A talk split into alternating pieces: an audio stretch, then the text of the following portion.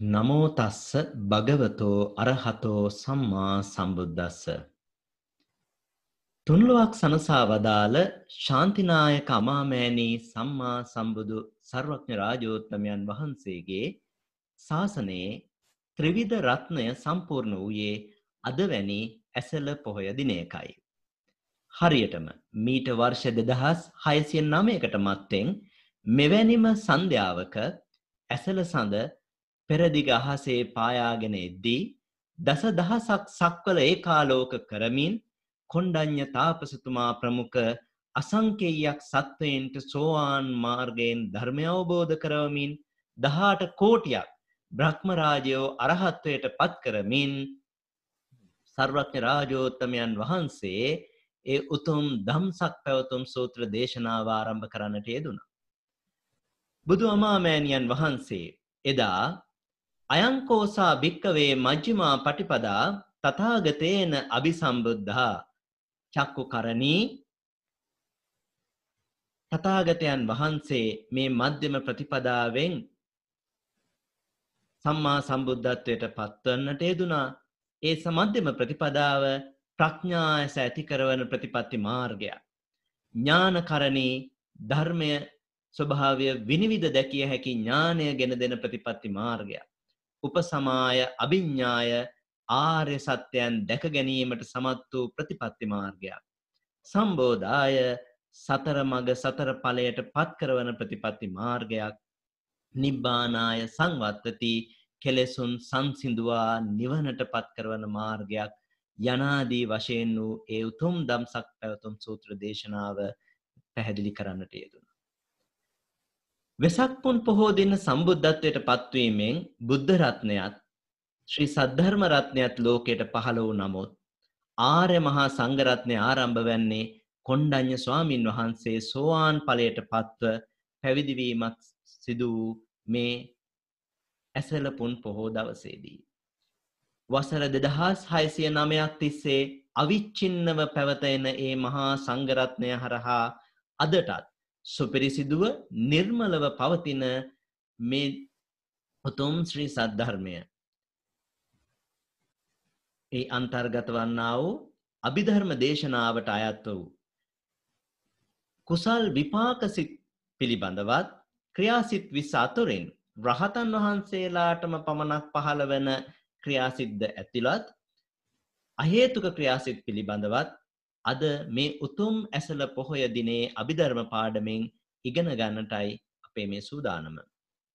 එසේ නම් ශ්‍රී බුද්ධ වර්ෂ දෙදහස් පන්සිය හැට හතරක් වූ ඇසල මස පුර පසලොස්වක නම් තිතිලත් ශනිදින හෙවත් ව්‍යවහාරික වර්ෂ දෙදහස් විස්සක් වූ ජුලි මස හතරවන සෙනසුරාදා ශ්‍රී ලංකාවේ වේලාවෙන් පස්වරු හත උදාවන මේ මොහොතේදී ලෝකය පුරා විසිරී සිටින ඔබ අප සෑම සියලු දෙනාම සූම් යෙදවම ඔස්සේ අන්තර්ජාලය හරහා සජීවීව මේ සම්බන්ධ වී සිටිනුයේ පෞරාණික තේරවාදය ත්‍රීපිටක අධ්‍යන වැඩසටහනෙහි අභිධර්මය දසවැනි පාඩම සමගයි. අද දිනේ මේ උතුම් වැඩසටහනට මාර්ගෝපදේශකත්වය සපයන අපගේ ගෞරවනීය ආචාර්යන් වහන්සේ මහනුවර අම්පිටිය උඩගම චිත්ත විවේකාශ්‍රමාධීපති නම කියන්නට අවසරයි පූජනීය විනයාචාර්ය ගලේවෙල ඥාන දස්සන ස්වාමීන්ද්‍රයාණන් වහන්සේයි. අපගේ ගෞරවනීය ආරාධනය බොහොමත්ම කාරුණිකව පිළිගෙන ගම්බීර වූ අභිධර්මාර්ථයෝ අපට වටහා ගත හැකි අයුරින් විස්තර කර දෙමින් ඒ පරම ගම්බීර වූ ශ්‍රී සද්ධර්මය ජීවිතවල සැනසීම පිණිසම අපට අවබෝධ කරවීමේලා කැපවන්නා වූ අපගේ ගුරු දේවෝත්තම ගෞරවනීය ස්වාමීන්ද්‍රයාණන් වහන්සේව පාදාභිවන්දනීයව මේ උතුම් වැඩසටහනට පිළිගන්නට සියලු දෙනාම මා සමගම එක්ව ගාථා කියමින් ගෞරවනීය ස්වාමින් වහන්සේ වන්දනා කරමු. අවසරයි ස්වාමී. ඕකාස වන්දාමි බන්තේ සුඛී හෝතු ඕකාස ద్వාරත්තයේන කතං සබ්බං අච්චයං කමත මේ බන්තේ කමාන් කමිතබ්බා. සාදු ඕකාස කමාමි බන්තේ. සුකී හෝතු නිබ්බාන පච්චය හෝතු. සුකී හෝතු නිබ්බාන පච්චය අවසරයි ගෞරෝණී ස්වාමීන් වහන්ස.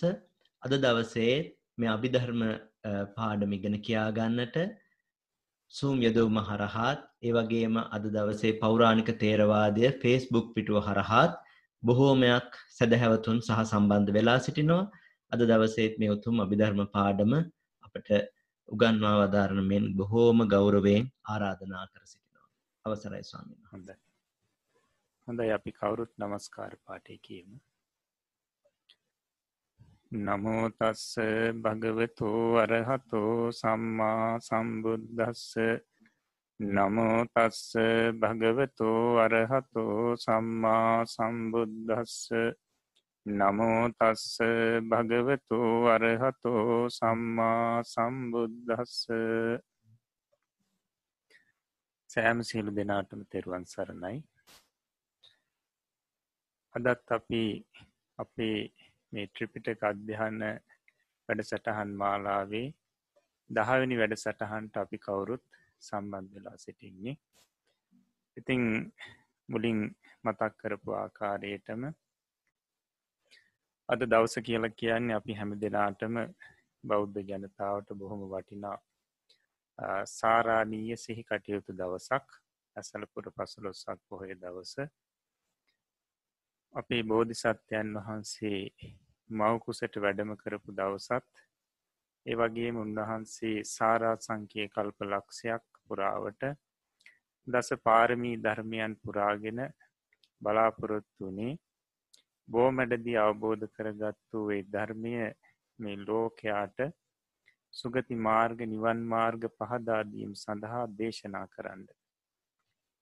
ඉතිං ඒ උන්වහන්සේගේ උතුම් බලාපොරොත්තුව සාක්ෂාත් වනේ ඇසලපුර පසොලොස්සක් පොහේ දවසේ බරණ සිසිපතන මිගදායේදී උන්වහන්සේගේ මංගල ධර්ම දේශනාව චතුරාරි සත්‍යය කැටි කරමින් දම්සක් පැවතුන් සූත්‍රයේ දේශනා කරා ඒ දේශනාව අවසං වෙනකොට දස දහසක් ලෝකධාතු සෙලවෙන්ඩ ගත්තා.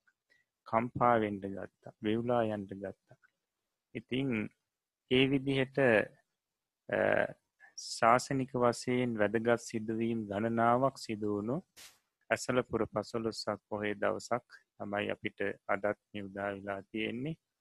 ඒ දවසේදී අපි බලාපොරොත්තු වෙන්නේ බුදුරජාණන් වහන්සේගේ උත්තරීතර දේශනාවෙන් ඒ ධර්මයෙන් විදක් අද ශ්‍රවණය කරලා අපේ සන්තානවල කුසල් සිතවිලි ජනිත කර ගනිමින් ඒ කුසල් සිතවිලි අපේ විමුක්තිය වෙනුවෙන් පාරමිතාවක් කර ගණ්ඩයි අපි බලාපොරොත්තු වෙන්නේ එතකොට අපි ගිය වාරයේදී නැත්තංගී වැඩ සටහනිදී අපි කතා කරා මේ අහේතුක අකුසල් විපාක සිත් ගැන. එතකොට අපිට අද තියෙන්නේ අහේතුක කුසල විපාක සහ අහේතුක ක්‍රියාසිත් ගැන ඉගෙන ගන්න. ඉතිං අපි පාඩම කරන්න කලින් ගිය සතියේ අපි කරපු අකුසල අහේතුක අකුසල විපාක සිත් පාඩන් කරපු කෙනෙක් කෙනෙකුට මේ වෙලාව අවස්ථාව තියෙනවා පාඩන් දෙන්ඩ ඊට පස්සේ අපි පාඩම් පටන්ගම් සමහර වෙලාවට මට පාඩම පාඩම කරලා ඉවරෙනකොට සමහර දවස්සවට මට මේ සිත් ඒ පාඩමට අදාළ සිත් පාඩන් කරන්න කියන්න අමත්තක වෙන්න පුළුවන්. නමුත් ඒ සිත් පාඩන් කළ යුතුමයි මමුලිනුත් කියලා තියෙනවා. මේ සිත් පාඩන් තියෙන් ඕනි කාටත්. ඒ නිසා ඒ පාඩමට අදාළ සිත් කවුරුත් ඒ දවසේ පාඩන් කරගණ්ඩ ඕනි. එහෙමයි සනස. ශාමා අරම්භේ පොළ මහත්මිය එතුමිය සුන්නවා සිට්ටික පාඩම පාඩන් දෙන්න. සමින්වන්ස අවසරයි. උපේක්ෂා සාගත චක්කු විඤ්ඥානය උපේක්ෂා සාගත සෝත විඤ්ඥානය උපේක්ෂා සාගත ගාන විඤ්ඥානය උපේක්ෂා සාගත දිව්වා විඤ්ඥානය දෝමනස්ස සාගත කාය විඤ්ඥානය උපෙක්ෂා දුක්ක සහගත කාය විඤ්ඥානය දු- දුක්ඛ දුක්ඛ සහගත කාය විඥානය අ, උපේක්ෂා සහගත සම් සම් සම් පටිච්චන සම්පටිච්චනය විඥානය සහ උපේක්ෂා සහගත සම්තීරණ විඥානය. සන්තීරණය හරි හොඳයි. හොඳයි. එහෙමනම් අපි පාඩම ආරම්භ කරමු. අද තියෙන්නේ අහේතුක කුසල විපාක සිත් අට. හොඳයි. කියන්නක කැල්මත් හොඳමයි සන්නස. අහේතුක කුශල විපාක සිතට.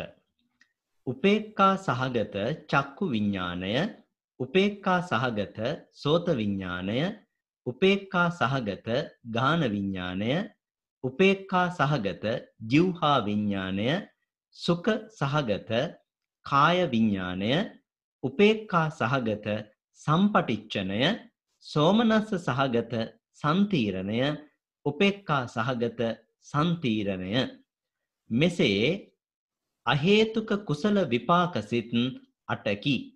අකුසල් සිත්වලින් ඇති කරන්නේ අහේතුක විපාක පමණකි. කුසල් සිත්වලින් අහේතුක සහේතුක විපාක දෙවර්ගයම ඇති කරනු ලැබේ. කියන ලදුයේ කුශලයෙන් ඇති කරන අහේතුක විපාක සිත්ය. කුශලයෙන් ඇති කරන සහේතුක විපාක පසුව දත හැකිවනු ඇත. අහේතුක කුසල විපාක සිත් මිස අහේතුක කුසල් සිත් කොටසක් නැති බවද මතක තබාගත යුතුය. අකුසල විපාකවලට වඩා අහේතුක කුසල විපාකවල ඇති වෙනස කාය විඤ්ඥානය සුක සහගත වීමත් සන්තීරණ දෙකක් වීමත්ය. සන්තීරණ දෙකක් වී ඇත්තේ අරමුණු අනුවය අරමුණ ඉතා හොඳ වන කල්හි සන්තීරණය සෝමනස්ස සහගත වේ. අරමුණ මධ්‍යම වන කල්හි උපේක්ෂා සහගත වේ. ඉතුරු ටිකත් කියන්න නෑ අවශ්‍යන අපි මේ ටික කරලයිමු. හොඳයි එතකොට අපිට බලන්ඩ පුළුවන් මේ අහේතුක සිත් අ, කොට්ටාස තුන අපි එදා කතා කරා අ, අකුසල විපාක සිත් හත. එතකොට අද කතා කරන්නේ අහේතුක කුසල විපාක සිත් අට. එතකොට අපි රූප සටහනක් අ, බලන්ඩ පුළුවන්. එතකොට අපි නැවත නැවතත් මතකේ තියාගණ්ඩෝනි මේ අහේතුක සිත් කියලා කියන්න හේතුව තමයි හේතු නාමයෙන් ව්‍යවහාර වෙන ඔය ලෝබදේශ මෝහ හෝ අලෝබද්දේශ අමෝහ කියන මේ හේතුහයෙන් එකක්වත් මේ සිත්වල නොයදෙන නිසා තමයි මේවට අහේතුක සිත් කියලා කියන්නේ. හොඳයි. එතකොට ම්, අහේතුක සිත් දහට අපි බලමු. අහේතුක සිත් ඔක්කම දහටක් තියෙනවා. ඒ දහට කොටස් තුනකට බෙදෙන්නේ.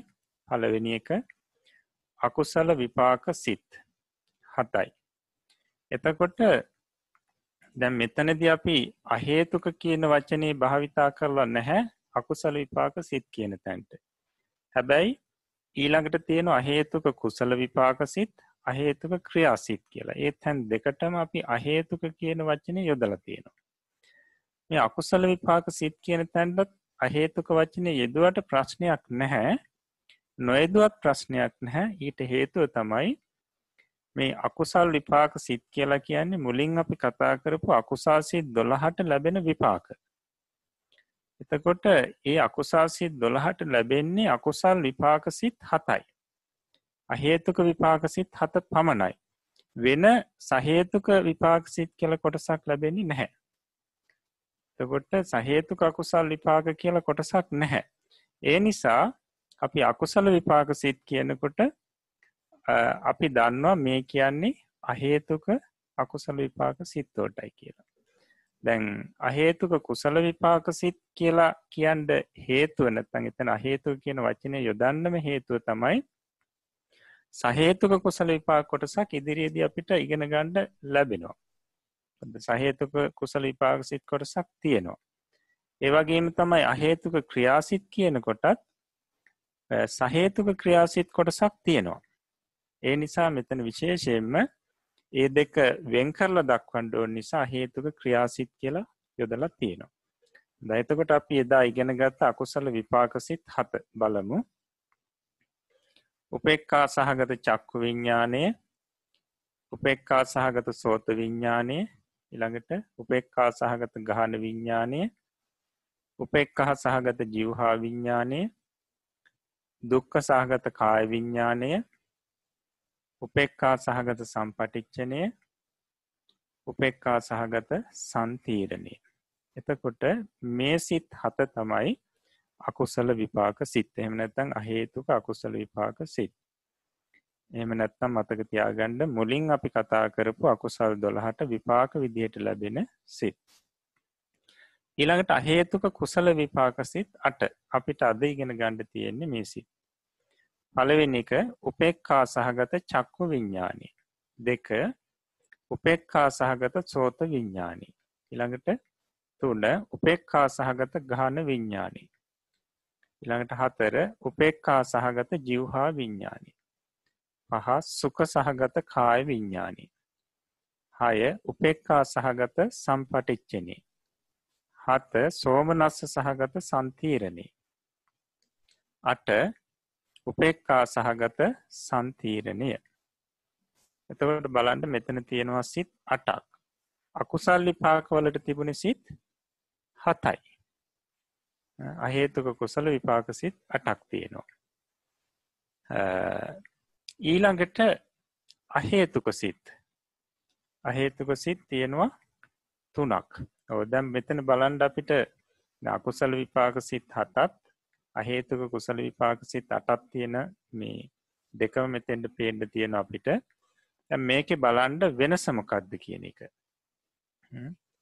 පස්සනි අංකයේ යටතේ දුක්ක සහගත කාය විඤ්ඥානයේ තියෙන අකුසල විපාකවලදී අහේතුක කුසල විපාකවලදි තියෙනවා සුක සහගත කාය විඤ්ඥානය කියලා. මෙතනදි වෙනසක් වෙලා තියෙනවා. ඊළඟට අකුසල් විපාකවලදි සිත් හතයි තියෙන්නේ අහේතුක කුසල විපාකවලදි අටක් තියෙන හැමනම් මොකක්ද මේ වැඩි වෙලා තියෙන්නේ කෙනෙක බලන්ඩ හත්තනි අංකේ යටති තියෙනවා සෝම නස්ස සහගත සන්තීරණය කියල සිතක්. ඒ සිත අකුසල් විපාකෙද ආවේ නැහැ. එතකොට මෙතනදි තියෙන විශේෂත්වය තමයි කාය විඤ්ඥානයේ සුක සහගත වෙලා තියෙනවා ඒවගේම සෝමනස්ස සහගත සන්තීරණයක් වැඩි වෙලා තියෙනවා මේක හොඳට මතක තියා ගණ්ඩෝනි ඊළඟට අහේතුක ක්‍රියාසිත්. බලන්ඩ උපෙක්කා සහගත පංචද්වාරා වජ්ජනී. ඉළඟට උපෙක්කා සහගත මනෝද්වාරා වජ්ජනී. ඉළඟට සෝමනස්ස සහගත හසිතුප්පාදේ. කොට අහේතුක ක්‍රියාසිත් තුනයිතියන්නේ ගොට අකුසල් විපාක සිත් හතයි. අහේතුක කුසල විපාක සිත් අටයි අහේතුක ක්‍රියාසිත් තුනයි. ඔක්කොමේනවා එතකොට දහටක්. එට ඔය දහටට තමයි අපි අහේතුක සිත් අටලොස කියලා කියන්නේ. එතකොට අපි මේ වෙනකොට අකුසල විපාක සිත් හත්ත ඉගෙන ගත්තා. දැන් අපි බලමු. අහේතුක කුසල විපාක සිත් අට සහ අහේතුක ක්‍රියාසිත් තුන. හොඳයි අපි පාඩමට යමු.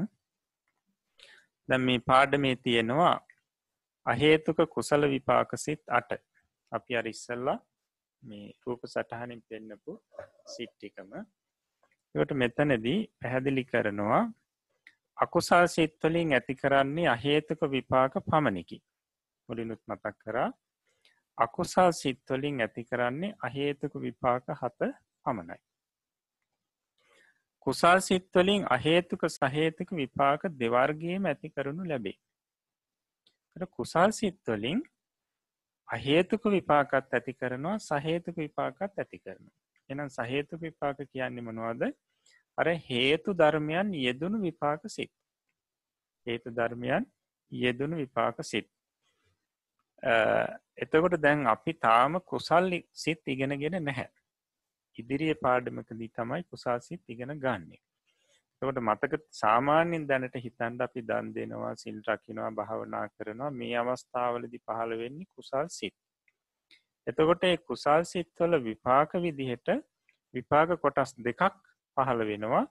එක කොටසක් අහේතුක විපාක එක කොටසක් සහේතුක විපාක. දැන් එතකොට මෙතනද අපි මේ ඉගෙන ගන්නේ ඒ කුසල් සිත් නිසා උපදින අහේතුක විපාක. අහේතුක විපාක. කුසලයෙන් ඇති කරන සහේතුක විපාක පසුව දත හැකි වනු ඇත. කුසලයෙන් නැති කරන සහේතු විපාක අපිට ඉදිරියේදි ගෙන ගණ්ඩ පුළුවන්. අහේතුක කුසල විපාකසිත් මිස අහේතුක කුසල්සිත් කොටසක් නැති බවද මතක තබාගත යුතුේ. අපි මේ වචන පාවිච්චි කරනකට බොහෝම පරිස්සමට පාවිච්චි කරන්නඩුව. ගොට අහේතුක කුසල් විපාක කියල සිත් කොටසක් තියෙනවා හැරෙන්ඩ අහේතුක කුසල් කියල කොටසක් නැහැ. අහේතුක කුසල් සිත් කියල කොටසක් නැහැ අහේතුක කුසල විපාක කියල සිත් කොටසක් පමණයි තියෙන්නේ. හොඳයි. දැන් මේවා අපි හොඳට මතක තියාගණ්ඩෝනි නැත්තන් සමහර වෙලාට සමහර කෙනෙක් ප්‍රශ්නහනකොට ඒ ප්‍රශ්නය අහන අවස්ථාවදී ඒ පද මාරු කරගෙන තියෙනවා. එතකොට අපිට ඒකට හරියට උත්තරයක් දෙන්න බැහැ. එනිසා මේවා වෙන් කරගෙනම මතක තියාගණ්ඩ ඕනි. එකොට විශේෂයෙන් මතක තියාගණ්ඩ අකුසල් විපාක කියලා කිවට කමක් නැහැ. හැබැයි අහේතුක කුසල විපාක කියලා කියවෙන්නටම ඕනි මෙන්න මේ සිට්ටිකට ඊට පස්සේ ක්‍රියාසිත් වනට අහේතුක ක්‍රියාසිත් කියලම කියවෙන්ඩෝනි හොඳයි. එතකොට අකුසල විපාකොල්ට වඩා අහේතුක කුසල විපාකවල ඇති වෙනස කායවිඤ්ඥානී සුක සහගතවීමත් සන්තීර්ණ දෙකත් වීමත්ය. අප එතකොට මුලින් මේ කර රූප සටහනීම පැහැදිලි කරා. අකුසල විපාකොලට වඩා අහේතුක කුසල විපාකොල තියෙන වෙනස තමයි කායවිඤ්ඥානය සුක සහගත වෙනවා. ඊට පස්සේ සන්තීර්ණ දෙකක් වෙනවා. එම නැත්තම් සෝමනස සහගත සන්තීර්ණයක් එකතු වෙලාති දැම් මෙතන අත්න් උපෙක්කා සහගත චක්ක විඤ්ඥානය කියලා කියන්නේ උපේක්ෂා වේදනාවෙන් යුතු ඇසෙහි උපදනා සිත කියන අර්ථය. උපේක්ෂා වේදනාවෙන් යුතු ඇසේ උපදනා සිත. එතකොට මේකෙනුත් කරන්නේ ඇස ඉදිරියට පැමිණෙන රූපය දැකීම. ඇස ඉදිරියට පැමිණෙන රූපය දැකීම තමයි මේ සිතනුත් කරන්න. ඊළඟට උපෙක්කා සහගත සෝතවිඤ්ඥානී කියන්නෙත් උපේක්ෂා වේදනාවෙන් යුතුව කනෙහි උපදනා සිත කියන අර්ථයමයි. තොට මේකෙන් කරන්නේ මේ කනට පැමිණෙන ශබ්ද ඇසීම කනට පැමෙන ශබ්ද ඇසීම තමයි මේ සිතින් කරන්නේ. ඊළඟට උපෙක්කා සහගත ගහන විඤ්ඥානය ගැන උපේක්ෂා වේදනාවෙන් යුතුව පහළ වෙන මේ නාසේ පහළ වෙන සිත. එතකොට මේ නාසේට පැවෙන ගන්ධයන් දැන ගැනීම තමයි මේ සිතින් කරෙන්නේ. නාසේට පැවෙන ගන්ධයන් දැන ගැනීම. ඊළඟට උපෙක්කා සහගත ජිව්හා විඤ්ඥානය කැන උපේක්ෂා වේදනාවෙන් යුතුව දිවේ උපදනා සිත. දිවට දැනෙන රසයන් දැන ගැනීම තමයි මේ සිතෙන් කරන්නේ. ඊළඟට සුක සහගත කාය විඤ්ඥානී. සුකවේදනාවෙන් යුතු කයේ උපදනා සිත. සුකවේදනාවෙන් යුතුව කයේ උපදනා සිතට තමයි උපේක්කා මේ සුක සහගත කාය විඤ්ඥානී කියලා කියන්න. එතකොට ශරීරයේ සිදුවෙන සැපීම් දැනගැනීම තමයි මේ සිතින් කෙරෙන්නේ. කය උපදනා සැපීම් දැන ගැනීම. ඊළඟට උපෙක්කා සහගත සම්පටිච්චනී. උපෙක්කා සහගත සම්පටිච්චනී කියලා කියන්න ඇර මුලින් වගේම මේ චක්ෂු විඤ්ඥානාදී විඤ්ඥාන පසින් ගන්නාල ධාරමුණ පිළිගනීම පිළිගැනීම තමයි මේ සිතෙන් වෙන්නේ. යරමුණ පිළිගැනී. ඊළඟට සෝමනස්ස සහගත සන්තීරණය ඊළඟක උපෙක්කා සහගත සන්තීරණය. එතකොට අපි මතක් කරා එදා මේ සම්පටිච්චන සිතිංගත්තු අරමුණ විමසන්නා වූ සිතට මේ උපෙක්කා සහගත සන්තීරණය කියලා කිව කියලා. එදා අපි එක මතක් කරගත්තා. දැන් මේකෙත් මේ උපෙක්කා සහගත සන්තීර්ණ කියන සිතින් කෙරෙන්නේ සම්පටිච්චනයෙන් ගත්තු අරමුණ විමසීම ඒ කාරිය කරන සිත එතකොට මෙතන තියෙනවා සෝමනස්ස සහගත සන්තීරණය කියලා. එතකොට මෙතනදී මේකෙන් පැහැදිලි කරන්නේ සෝමනස්ස වේදනාවෙන් යුතුව ඒ සම්පටිච්චන සිතින් ගත්තු අරමුණ විමසන සිත කොට මුල් සිතේදී දැන් අර අටවෙනි සිත උපේක්ෂා වේදනාවෙන් යුක්තයි මේ සිත නමුත් සෝමනස්ස වේදනාවෙන් යුක්තයි. මේකයි මේ දෙකේ තියෙන වෙනස. අපි සෝමනස්ස වේදනාමකක්ද උපේක්ෂා වේදනාමකක්ද කියන එක ඉගෙන ගත්තා. එතකොට මේක දක්වනවා මේ සන්තීර්ණ දෙකක් වීමට හේතුව අරමුණ අනුව කියලා. අරමුණ ඉතා හොඳවන කල්හි සන්තීර්ණය සෝමනස්ස සහගත වේ. අන්න අපිට අරමුණු වෙන අරමුණ අපි ගන්න අරමුණ ඉතාම හොඳ අරමුණක්න. ඒ වෙලාවෙදී අර සම්පටේච්චනයෙන් ගත්තු අරමුණ විමසන සිත විදියට පහළ වෙන්නේ සෝමනස්ස සහගත සන්තීරණ. අරමුණ මධ්‍යම වන කල්හි උපේක්ෂා සහගත වේ. එතකොට අරමුණ අර මුලින් කියපු තරම්ම හොඳ අරමුණක් නොවේ. ගැන හොඳ අරමුණක් නමුත් ඒ අතිෂ්ට නැහැ. අතිශයෙන් හොඳ නැහැ. එබදු අවස්ථාවිදී උපේක්ෂා සහගත සන්තීර්ණ සිත තමයි අරමුණ විමසීම් වසයෙන් පහළ වෙන්නේ.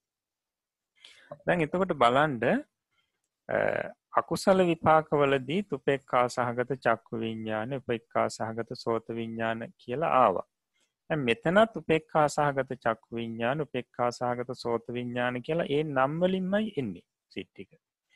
නමුත් දැන් මෙතන තියෙන වෙනස තමයි අකුසල් විපාකවලදී උපෙක්කා සහගත චක්කු විඤ්ඥානාදී පහළ වනේ මේ අමිහිරි අරමුණක් ඉදිරිපත් වෙනකොට.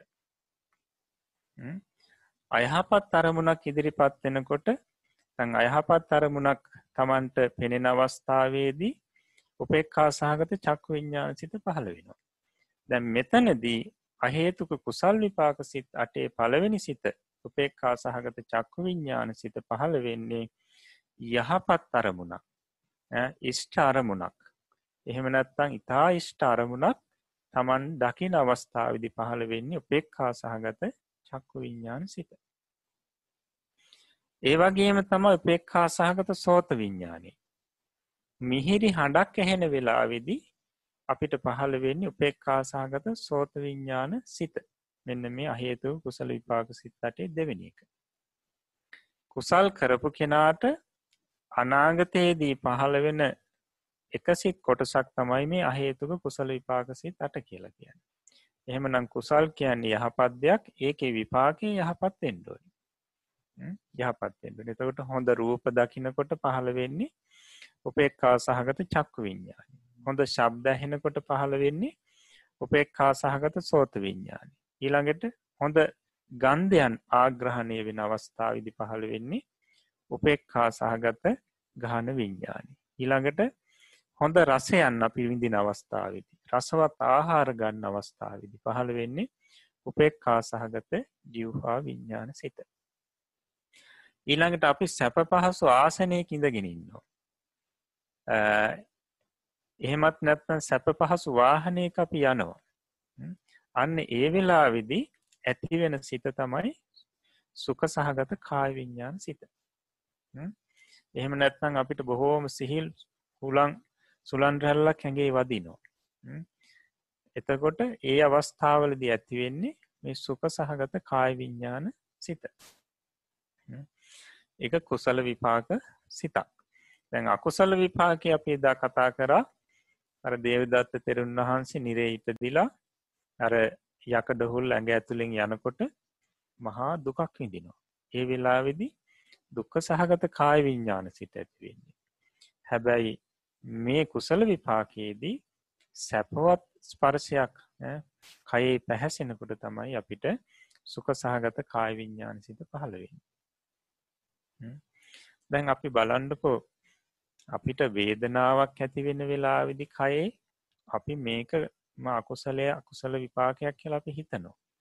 හැබැයි අපිට අපේ කයට සැප පහස ස්පර්ශයක් ලැබෙනකොට නද? මේ අපි කුසල විපාකයක් කියලා අපි හිතන්න හැ නේද? එතකොට අපිට හොඳ රූපයක් දකිට ලැබෙනකොට හොඳ ශබ්දහන්ඩ ලැබෙනකොට ඒ වෙලාවේ දැනගණ්ඩුවන මෙන්න කුසල් විපාක. කුසල් විපාක ලැබෙන අවස්ථාව. ඊළඟට උපෙක්හා සහගත සම්පටික්ෂණය කිවේ අපි මතක් කරා මේ මොකක්ද චක්ෂු විඤ්ඥානාදී මේ විඤ්ඥාන පහෙන් ගත්තු අරමුණ පිළිගැනීම් වසයෙන් පහළ වෙන සිත කියලා. ඒ අපි ඉදිරියේදී චිත්ත වීති කියන පාඩම යටති තමා මේක මනාව පැහැදිලි කරන්නේ දැන් නොතේරුණා කියලා කලබල වෙන්ඩෙපා සිත් මතක තිබුණහම හොඳටම ඇති. ඉදිරියේ පාඩමේදී තාම හොඳින් මේවා පැහැදිලි කරලා දෙනවා.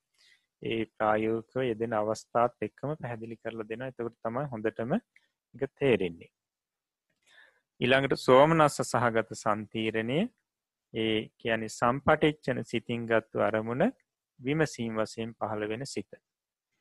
එතකොට ඉතාම අති ස්ටාරම්මනයක් ඉතා හොඳාරමුණක් නංගත්තේ සම්පටිච්චන සිතෙන් පිළිගත්තේ ඊට පසුවේ අරමුණ විමසීම් වසයෙන් පහළ වෙන සිත සෝමනස් සහගත සන්තීර්ණ සිත.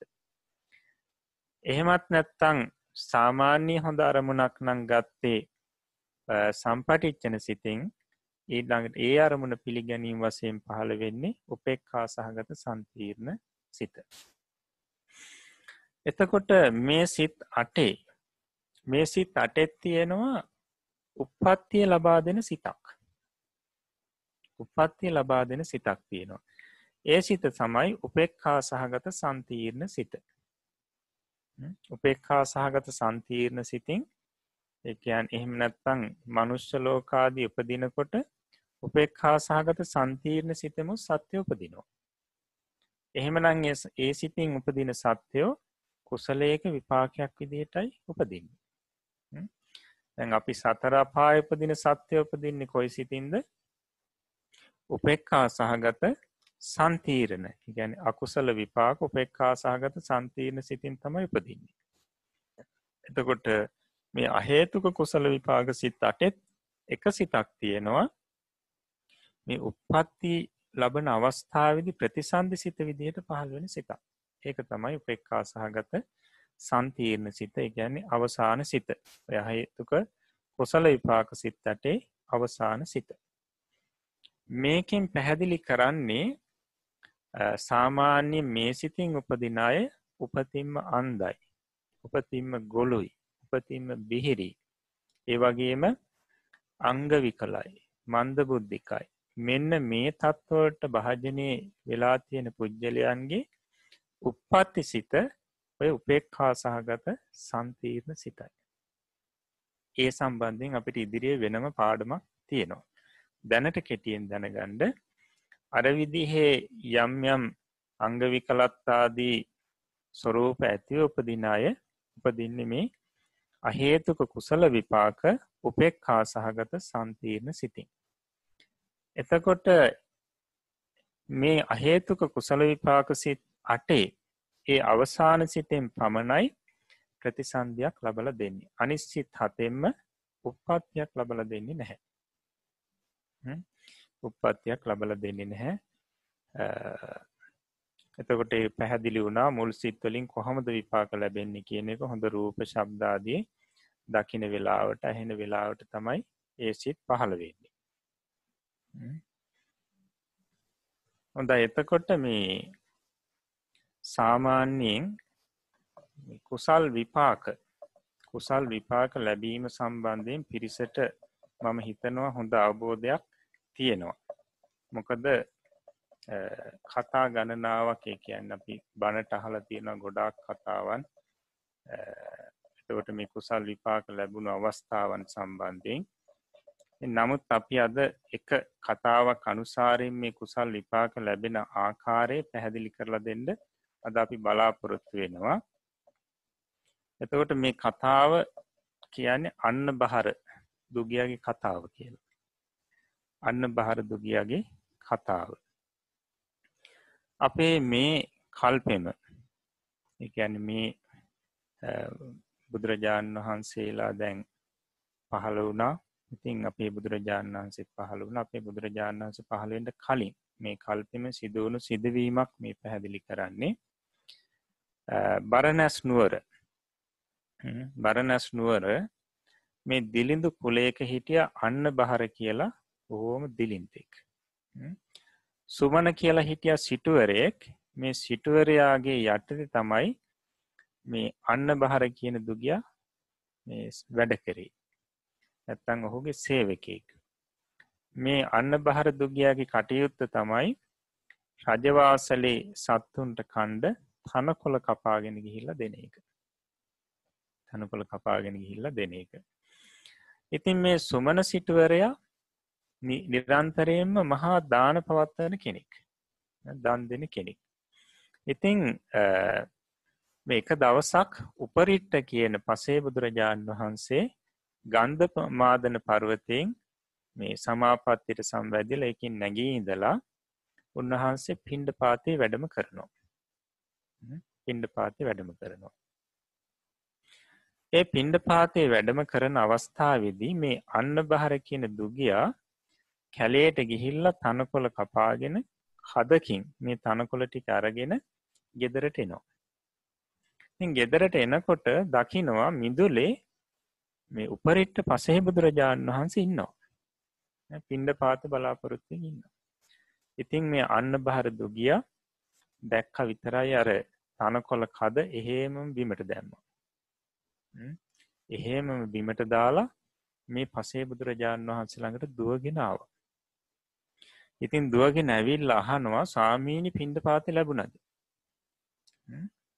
ඉතින් ඒ වෙලාවෙදි පසේ බුදුරජාණන් වහන්සේ මේ කියා සිටිනවා පින්ඩ පාති බලාපොරොත්තුවෙන් තමයි ඉන්නේ.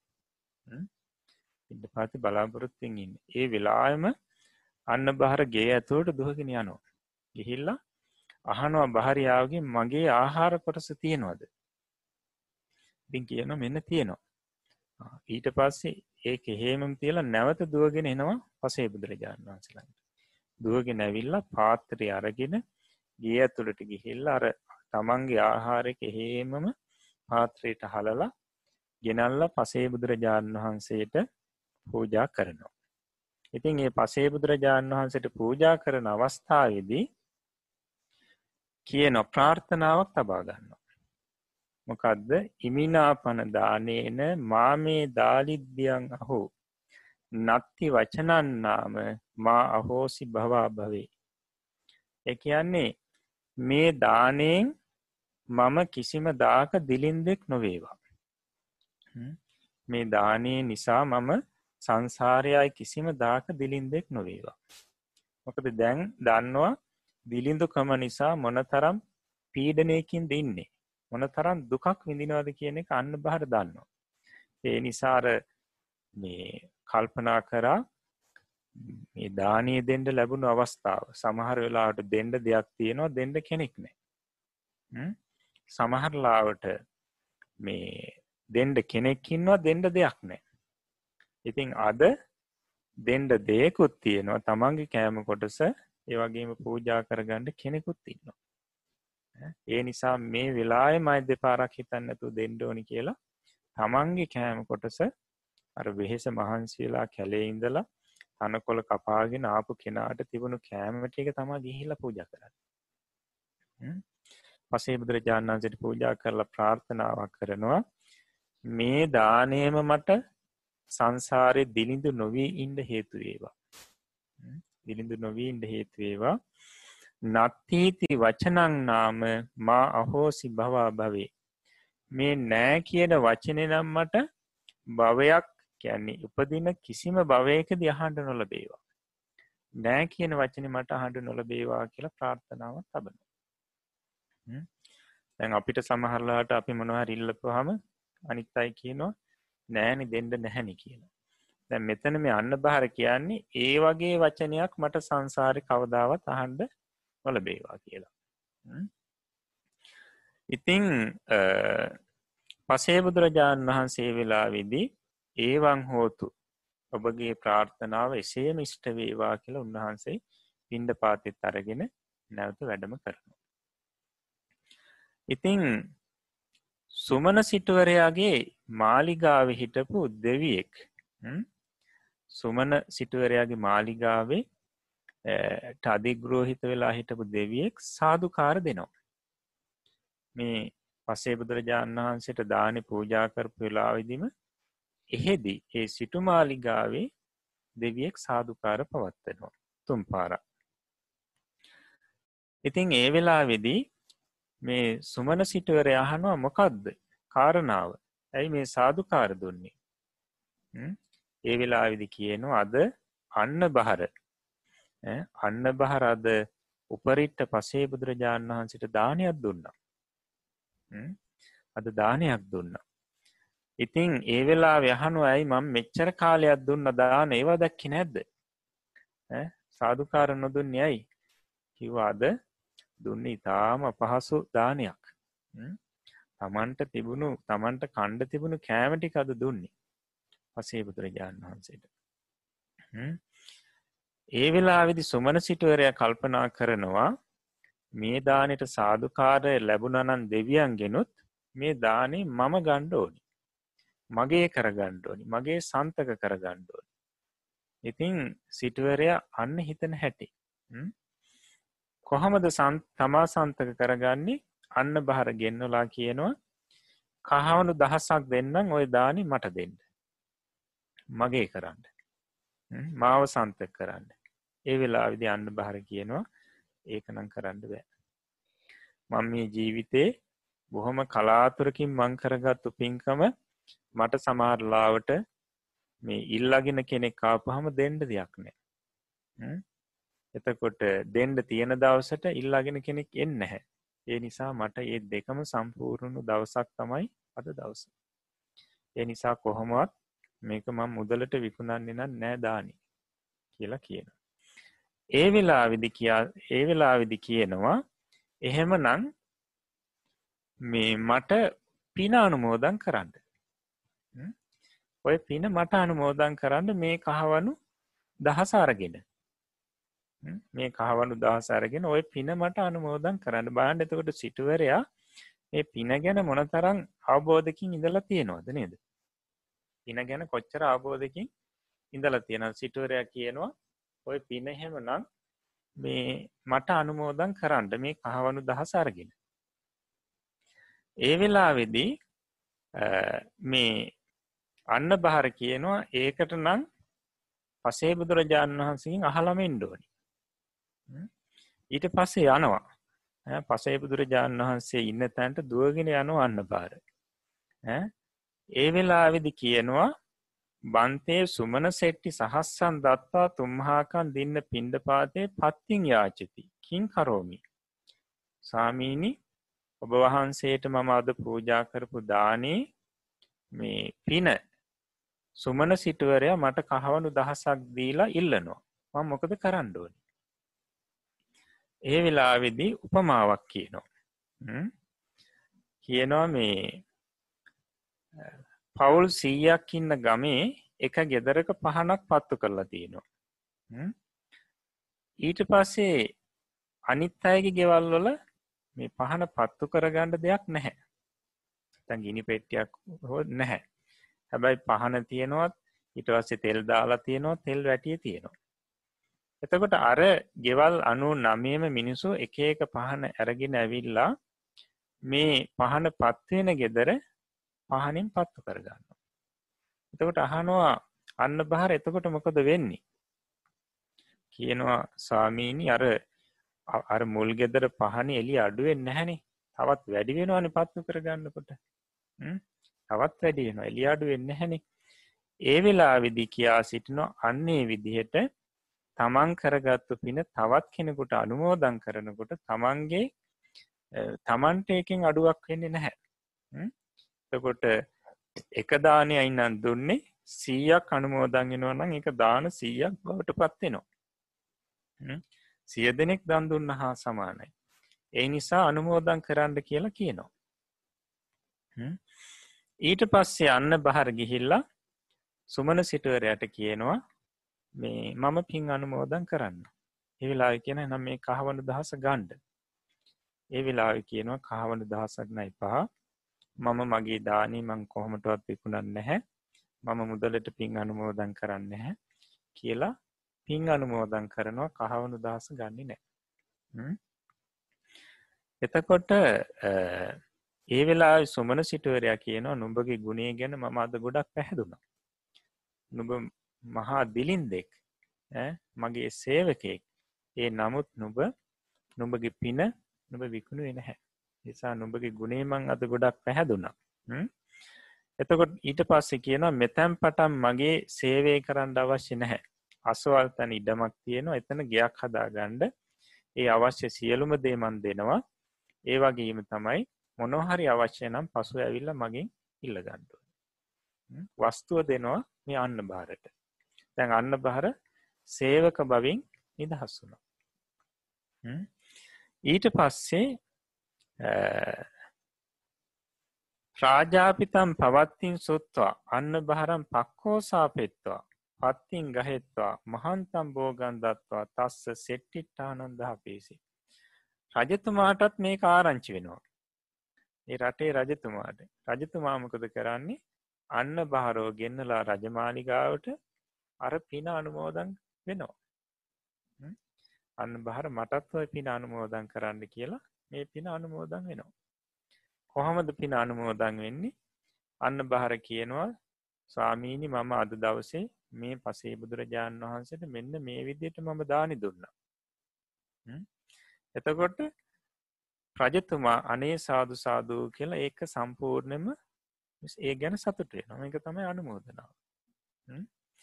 ඉතින් ඊට පස්සේ අනුමෝදන් වෙලා මහත් වූ ධනයක් දීලා සිටු තනතුරට පත් කරනවා. සිටු තනතුරට පත් කරනවා. තකොට එදා කාලි සිටුවරු කියලා කියන්නේ මහා බෝගස්කන්දයක් තියෙන මහා දනස්කන්දයක් තියෙන පුද්ජිල. දැම් බලන්ඩ අන්න බහර දුගිය දානයක් දුන්නම්.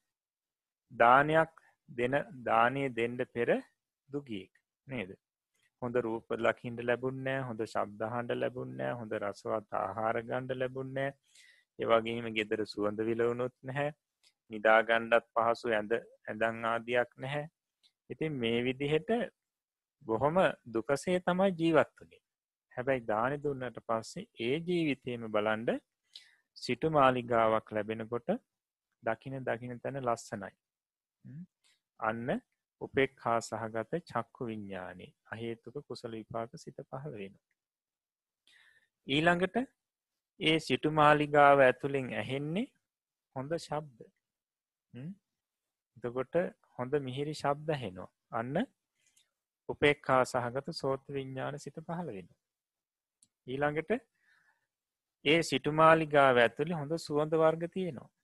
ඒවත් තමයි ආග්‍රහණය වෙන්නේ. එකොට උපෙක්කා සහගත ගාන විඤ්ඥාන සිත පහළ වෙනවා. ඊළඟට සිටුමාලිගාවේ උයන ආහාර ඉතාම රසවත්. තාම රසවත් ආහාර. එතකොට ඒවා අනුභව කරනකොට මේ උපෙක්කා සහගත ජිව්හා විඤ්ඥාන සිත පහළ වෙන. ඊළඟට සිට මාලිගාවේ දැන් අර ගෙදර පැල්පතේ වගේ නෙවේ හොඳ ඇඳන් තියෙනවා. ආසන තියෙනවා. ඒ වගේම වාහන තියෙනවා. තෝට මේවල ඉඳගන්නකොට මේවා පාවිච්චි කරනකොට දැම් පහළ වෙන්නේ සුක සහගත කාය විඤ්ඥානි ඊට පස්සේ ඒ පංච විඤ්ඥානීන් ගත්තු අරමුණු පිළිගැනීම් වසයෙන් පහළ වෙන්නේ උපෙක්කා සහගත සම්පටිච්චනේ කියන්නේ අහේතුක කුසල විපාක සිතා. ඊළඟට ඒ ඒ අරමුණු ඉතාම මිහිරිනම් ඒ අරමුණු විමසීම් වසයෙන් පහළ වෙන්නේ සෝමනස්ස සහගත සන්තීරෙන. ඒ අරමුණු ඉතා මිහිරි නොවේනං මුත් මිහිරි තාම මිහිරි නොවේනං එය විමසීම් වසයෙන් පහළ වෙන්න උපෙක්කා සහගත සන්තීර්ණ සිත කුසල විපාකයි. ඔන්න බලන්ඩ අන්න භාරට මේ ජීවිතයම මේ කුසල විපාක ලැබෙන හැටි. කුසලේ විපාකි. එතකොට ඊට පස්සේ පැහැදිලි කරනවා මේ අන්න බහර දැන් සිටුවරෙක් වෙලා ඊට පස් ඉතින් කාලය ගත කරලා මිය පරලෝ ගිහිල්ලා අපේ බුදුරජාණන් වහන්සේ පහළ වෙන කාලේ වෙනකොට නැවතාය උපදිනෝ එකන්නේ අර සුමන සිටුවරෑගේ කාලේ ඉඳලා මිය ගිහිල්ල ඊට පස්සේ දිවිය මනුස්ස දෙගතිය කාලයක් ඉපදිලා අපේ බුදුරජාණන් වහන්සේ පහළ වෙන කාලි වෙනකොට මේ කපිල වස්තු නුවර අමිතෝදන කියන මේ ශාක්‍යයාගේ පුතෙක් විදියට තමයි ඉපදින්නේ. අමිතෝදන කියලා කියන්නේ බුදුරජාණන් වහන්සේගේ බාප්පා නැතන් සුද්දෝදන රජතුමාගේ මල්ලි. එතකොට නම තමයි අනුරුද්ධ. එතකොට මේ අනුරුද්ධ කුමාරයාගේ අයිය තමයි මහානාම සාක්‍යය. ට අන්රුද්ධ කුමාරයා. එතකොට කියන පරම සුකුමාලෝ උපරිම සුකුමාලයි කියලා කියනවා. ඒ කියන්නේ තමන් යමක් ගණ්ඩ යනකොටත් සේවකයෝ කියනවා අනේ යන්ඩෙපා අපි ගැනල්ල දෙන්න. ඒ වගේ මේ දුක කියන එක හරියට දන්නවත් නැහැ. එච්චරටම සුකුමාලයි. ඉතින් එක දවසක් මේ දැම් මෙයා රාජ කුමාරයෙක්නේ අමිතෝදන කියන මේ රජ පවුල මේ ඇත්තන් සුද්දෝදන රජතුමාගේ මල්ලිගේ පුතෙක් කියලා ඉපදුනේ රාජ කුමාරී එක දවසක් තවත් රාජකුමාරවරු හය දෙනෙක් එක්ක කැට ක්‍රීඩාවේ දෙනවා මේ අන්ටුද්ධ කුමාරයා. එතකොට කැට ගහන්නකොට මේ ඒ කැටගැහීමේ දැන් අද කාලන මුදලක්න ඔට්ටුවට තබා නිදා කාලි කැවුම් කැටගහන්ඩ මේ ඔට්ටුවට තියලා තියෙනවා. කැවුම්. ඉතින් ඔන්න කැටගහගෙන යනකොට අන්ටුද්ධ කුමාරයාගේ කැවුන් ටික ඉවරුණා මෙයා පැරදුනා. ඊට පස්ස අයත් අම්මට පණවිඩයක් ඇව රාජපුරුෂයක්ගෙන් මේ තවත් කැවුන් ටිකක් එවන්න කියලා. අම්ම නැවතත් කැවුම් එව්වා. ඒ ටිකත් පැරදිනවා. ඊට පස්සේ තුන්වෙනි වතාවත් ඔහම යවනවා. තුන්වෙනි වතාවත් එවනවා. ඒකත් පැරදෙනවා. ඊළඟට හතරවෙනි වතාව ඇව්වට පස්සේ අම්ම පනීඩයක් කියවුණවා කැවුන්න කැවුන් ඉවරයි. එතකොට මේ අන්රුද්ධ කුමාරයට ඇවිල්ල කියනවා මේ රාජපුරුෂය කැවුම් නැහැ කිව්ව කියලා. ඒ වෙලාවේ අන්රුද්ධ කුමාරයා කියනවා හා එහෙමනගේ නැති කැවුම් අරන්ගෙන්ඩ නැති කැවුම් අරන්ගෙන්ඩ කියලා කියනවා. මෙහෙම කියන්ට හේතුව තමයි මේ නෑ කියන එක තේරුම දන්නේ නැහැ අන්රුද්ධ කුමාරය. නෑ කියන එකේ තේරුම දන්න ඊට පස්සේ කොහමරි මේ රාජපුරුෂය යනවා.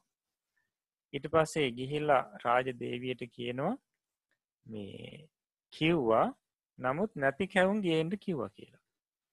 ඒ වෙලාවෙදි මේ දේවිය හිතනවා මගේ පුතා මේ නෑ කියන වචන තේරුම දන්න තේරුම දන්න එච්චරට සුකුමාලයි.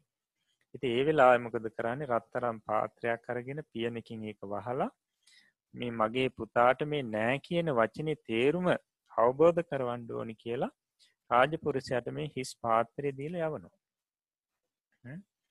ඒ වෙලාවෙදි දෙවරු කල්පනා කරනවා අද මේ අන්රෝධ කුමාරයට මේ නෑ කියන වචනය අහන්ඩ ලැබෙන අවස්ථාවක් නැත්න එක තේරුම දැනගණ්ඩ ලැබෙන අවස්ථාවක් හැබැයි මෙතුමා අන්න බහර කාලෙදි ප්‍රාර්ථනාවක් කරා. ඒ නිසා අපි මේ වෙලා උපේක්ෂාවෙන් ඉන්ද හොඳ නෑ කියලා දිව්‍ය මේ කැවුන් මේ භාජනයට දානවාති. ඊට පස්සේ රාජපුරුෂයා ගිහිල්ල මේ භාජනය අරිනකොට කැවුන් තියෙනවා අර පෙරට වඩා අතිශයෙන් සුවඳයි. අතිශයෙන් සුවඳයි. ඉතිං ඒ වගේම තමයි ඒ කැවුම් මේ කනකොට ඉතාම රසවත් කියලා කියන. තින් ඒ සුවඳ ඒ පැත්තෙම පැතිරුණාලු. ඉති ඒ වෙලා විදි අන්රුද්ධ කුමාරය හිතනවා මගේ මෑනියන් මට ආදරේ නැහැ හරියට. ඇයි මෙච්චර කාලයක් නැති කැවුම් ඉවේ නැහැ. මෙච්චර කාලයක් මේ නැති කැවුම් කියල මේවා ඉවේ නැහැ. මෙච්චර කාලයක් සාමාන්‍ය රසවත් ඒවයි ඉවේ. ඉතින් ගිහිල්ල කියනවා අම්මේ නුඹ මට හරි ආදරේ නැහැ ඒ වෙලාවෙ කියනවා නැහැ දරුවා මගේ ඇස් දෙකටත් වඩා මගේ හදෝතටත් වඩා මණ්ඩුපට ආදරේ එහෙමනම් මේ නැති කැවුන් ඇයි මෙච්චර දවසක් කිවේ නැති ඒලා දේවිය දැනගන්න මොකක්ද සිද්ධ වෙලා තියෙන කියලා. ඉතින් අන්න ඒ අවස්ථාවේදී මේ මේ කුමාරයා කුමාරයාට අර මුලින් ප්‍රාර්ථනාව තිබුණේ මේ නෑ කියන වචනය අහන්ඩ නොලබේවා කියලනි සංසාරය බලන්ඩ එතකොට මේ නෑ කියන වචනය තේරුමුවත් දැනගණ්ඩ දෙන්නේ නැහැ මේ කුසල විපාකේ. එතකොට දැම් මේ කුමාරය ඉපදුනේ රජ ගෙදරක. තට බලන්ට දකිින්ට තියෙන්නේ මොනවද ඔක්කොම? ලස්සන රූප. කොට අන්න උපේක්ෂා සහගත චක්කු විඤ්ඥාන සිත. අහන්ඩ ලැබෙන්නේ මිහිරි ශබ්ද. නෑ කියන වචනයවත් හරියට අහන්ඩ ලැබෙන්න හැනි මිහිරි ශබ්ද. උපෙක්කා සහගත සෝත විඤ්ඥාන ඊළඟට ගන්ධයන් රජමාලිගාවී රජගෙදර තියෙන. ඊළඟට රස්සයන් බලන්න. ඊළඟට නිදාගණ්ඩ හෝ යන්ඩෙන්ඩ තියෙන තැන් නැත්තං යානවාහන එමනත්තං ඇඳ ඇතිරිලි ඔක්කොම සැපවා ට පහළ වෙන්නේ බාඩ සුක සහගත කාය විඤ්ඥානය ඉතිං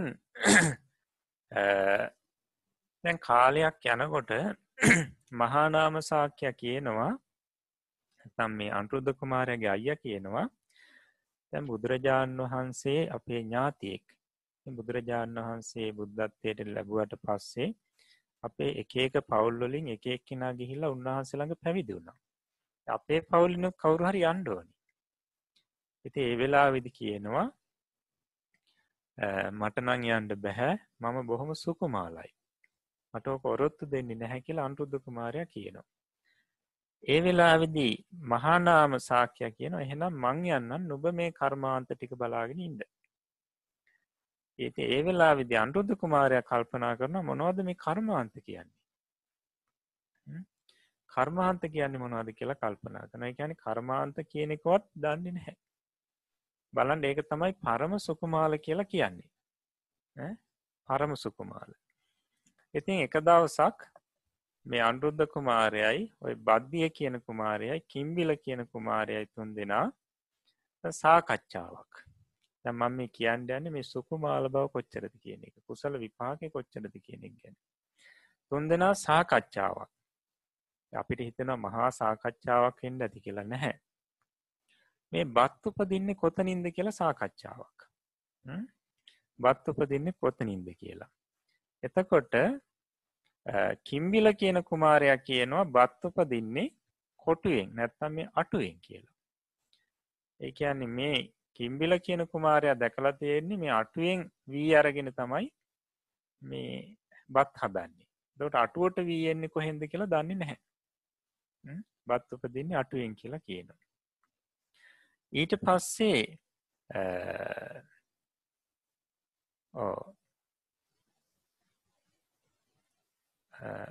ඊට පස්සෙ මතක් කරනවා අන්රුද්ධ කුමාරයා අන්රුද්ධ අකුමාරයා කියනවා නුබදන්නේ නැහැ. මේ බත් උපදින්නේ රත්තරන් තලියෙන්.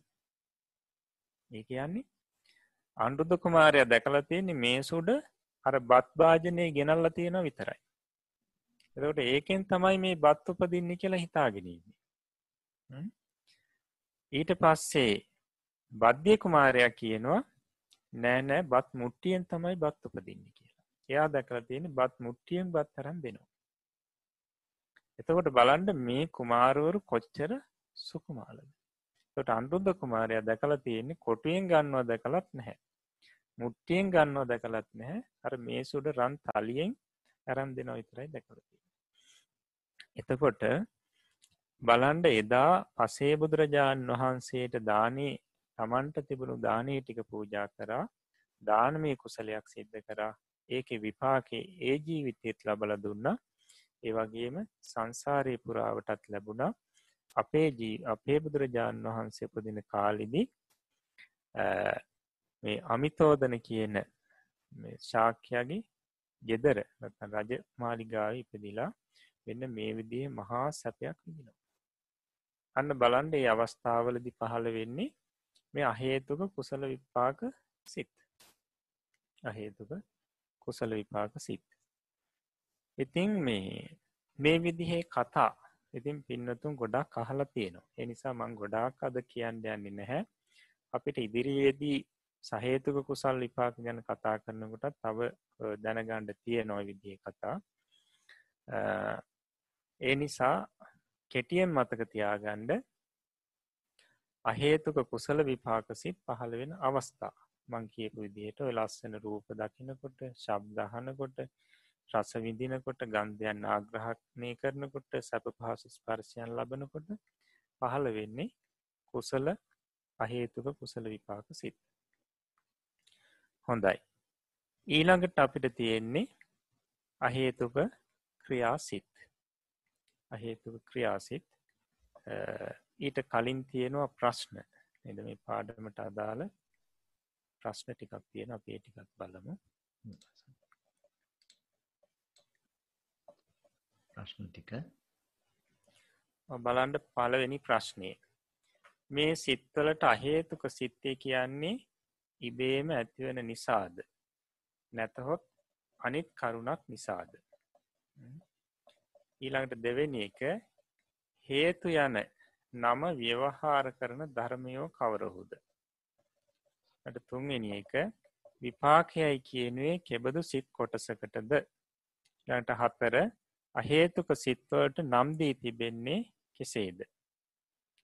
පහ අකුසල් සිත්වලින් සහේතුක විපාකත් ඇති කරනවාද?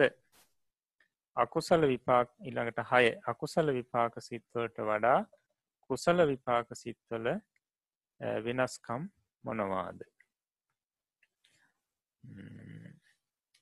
හොඳ ඒ ප්‍රශ්න ටිකටත් උත්තර ලියන්්ඩෝනි ඊළඟට අපිට තියෙන අහේතුක ක්‍රියාසිත් තුන. හොඳයි. කියන්න පාඩ අහේතුක ක්‍රියාසිත් තුන. විපාක උපදවන ස්වභාවයක් නැති යම්කිසි කර්මයක විපාකත් නොවන සිත්වලට ක්‍රියාසිත්‍යයි කියනු ලැබේ. යම්කිසි කෘත්‍යයක් සිදුකිරීම හැම සිතකම ස්වභාවය. විපාක උපදවන සිත්වලට කුසල්ය අකුසල්ය යන නම් දුන් බැවිනොත් ඒවායින් උපදවන සිත්වලට විපාක යන නම දුන් බැවිනොත් ඉතිරි වෙන සිත් කොටසට ඒ ඒ කෘත්‍යයන් සිදුකිරීම් වශයෙන් ඇතිවීම නිමිත්ත කොට ක්‍රියා යන නාමය ව්‍යවහාර කරනු ලැබේ. අහේතුක ක්‍රියා සිත්වලට නම් තබා ඇත්තේද? ඒ සිත්වලින් සිදු කරන කෘත්‍ය අනුය. අහේතුක ක්‍රියාසිත්වලට නම් තබා ඇත්තේද? ඒ සිත්වලින් සිදු කරන කෘත්‍යයන් අනුවය. උපේක්කා සහගත පංචද්වාරා වජ්ජනය උපේක්කා සහගත මනෝද්වාරා වජ්ජනය සෝමනස්ස සහගත හසිතුප්පාදය යනු අහේතුක ක්‍රියාසිත්තුනය ඇස කන නාසය දිව කය යන මේ සිත් උපදනා ස්ථානවලට ద్వාරය යයිද කියනු ලැබේ. චිත්තසංතානයට රූපාදී අරමුණු ඇතුළු වන්නේ ඒ ద్వාරවලිනි. භවංග චිත්තයයි කියන සත්වයාගේ ප්‍රකෘති චිත්තය හා තවත් බොහෝ සිද්ධ ඇතිවන්නේ හර්ද කෝෂයෙහිය. හර්දකෝෂයෙහි පවත්නා වූ භවංග චිත්ත පරම්පරාවට මනෝද්වාරයයි කියනු ලැබේ. නානා කරුණු සම්බන්ධයෙන් නොෙක් සිත් නැගී නැගි නැගී එන්නේ හර්ද කෝෂයෙහි පවත්නා භවංග චිත්තයෙනි. චක්ෂුරාදී දහාර පසින් යම් කිසිවකට අරමුණක් පැමිණිය හොත් එකනෙීම ඒ අරමුණ මනෝද්වාරයේද සැපේ. එයින් භවංගසිත් ඉපදීම නැවතී ద్వාරයක යම්කිසි අරමුණක් ගැටුණු බව දැනගන්නා සිතක් පහළවේ. එය පංචද්වාරයේ ගැටුණු අරමුණ මෙනෙහි කිරීමක් බැවින් ඒ සිතට පංචද්වාරා වජ්ජනයයි කියනු ලැබේ. පංචද්වාරයේ ගැටීමක් නොවී කෙලින්ම මනෝද්වාරයට ද අරමුණු පැමිණේ. එසේ පැමිණෙන අරමුණු සම්බන්ධයෙන් මුලින්ම පහළවන සිත මනෝද්වාරා වජ්ජන නම් වේ. පංචද්වාරා වජ්ජනය යනු පංචද්වාරයට පැමිණෙන අරමුණු මෙනෙහි කරන සිතය.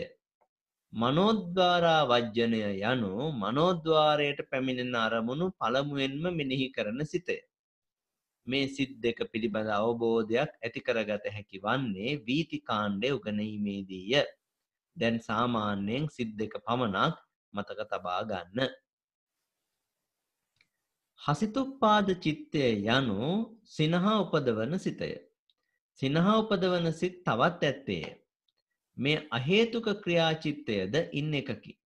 සිනහා උපදවන අන්සිත්වලින් සිනහව පමණක් නොව තවත් දේද සිදු කරනු ලැබේ. මේ සිතින් කරන්නේ සිනහව පමණකි. එබැවින් මෙයට හසිතුප්පාද යන නම තබා ඇත්තේය. මේ අහේතුක ක්‍රියාසිත්තුන හැර තවත් ක්‍රියාසිත් දා හතක් ඉදිරියේදී කියවෙන්නේය. ක්‍රියා සියල්ලම විස්සකි. ඒ සිත්වලින් පංචද්වාරා වජ්ජන මනෝද්වාරා වජ්ජන දෙක හැර ඉතිරි ක්‍රියාසිත් දහටම ඇතිවන්නේ රහතුන්ටය. මේ හසිතුප්පාද සිතද රහතුන්ට පමණක් ඇතිවන සිතකි.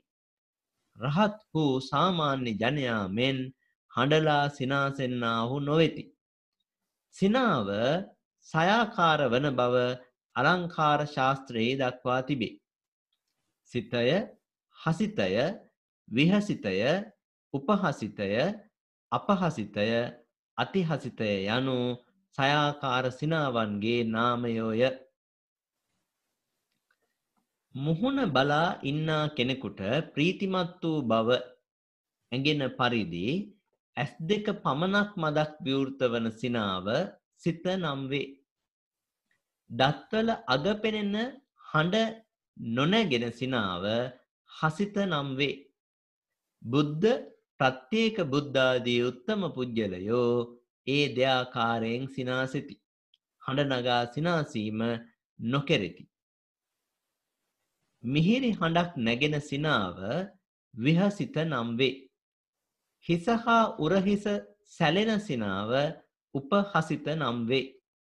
කල්්‍යාන පෘතක්ජනයෝද ශේක්ෂයෝද දෙයා ඒ දෙයාකාරයෙන් සිනාසෙති. මහහඬ නගා නොසිනාසෙති. ඇස්වලින් කඳුළු ගලන සිනහාව අපහසිත නමි. ශරීරාවයව සියල්ලම සොලවමින් දඟලමින් කරන සිනාව අති හසිත නමි. ගුණධර්ම දියුණු කර නොගත් ලාමක අදහස් ඇත්තෝ ඒ දෙයාකාරයෙන් සිනාසිති. හසිතෝපාද සිතින් ඇති කරන්නේ සිත හසිත දෙක පමණකි. අකුශල විපාක සිත් සතය කුසල විපාක සිත් අටය ක්‍රියාසිත් තුනයයි අහේතුක සිත් අටලොසකි. අහේතුක සිත් දුබල කොටසක් නිසා ඒවා ඒ සංකාර භේදයක් අභිධර්ම පාලියේ දක්වා නැත. සිත් ගණන් ගැනීමේදී අහේතුක සිත් අටලොසම අසංකාරික සිත් ලෙස ගණන් ගනු ලැබේ. අහේතුක සිත් අටලොසෙහි ඇත්තේ සෝමනස්ස සහගත සිත් දෙකකි. උපේක්ෂා සහගත සිත් තුදුසකි. සුක සහගත සිත් එකකි. දුක්ක සහගත සිත් එකකි. අකුසල සිත් දොළොසය අහේතුක සිත් අටලොසය යන සිත් තිසට අශෝභන සිත්යයි කියනු ලැබේ. මතු කියනු ලබන එක් ක්‍රමයකින් එකුන් සැටක් වූද තවත් ක්‍රමයකින් එක් අනුවක් වූද සිත්වලට ශෝභන සිත්යයි කියනු ලැබේ. හොඳයි. එතකොට අහේතුක සිත් දහටේ අපි අකුසල විපාක සිත් හත කතා කරා.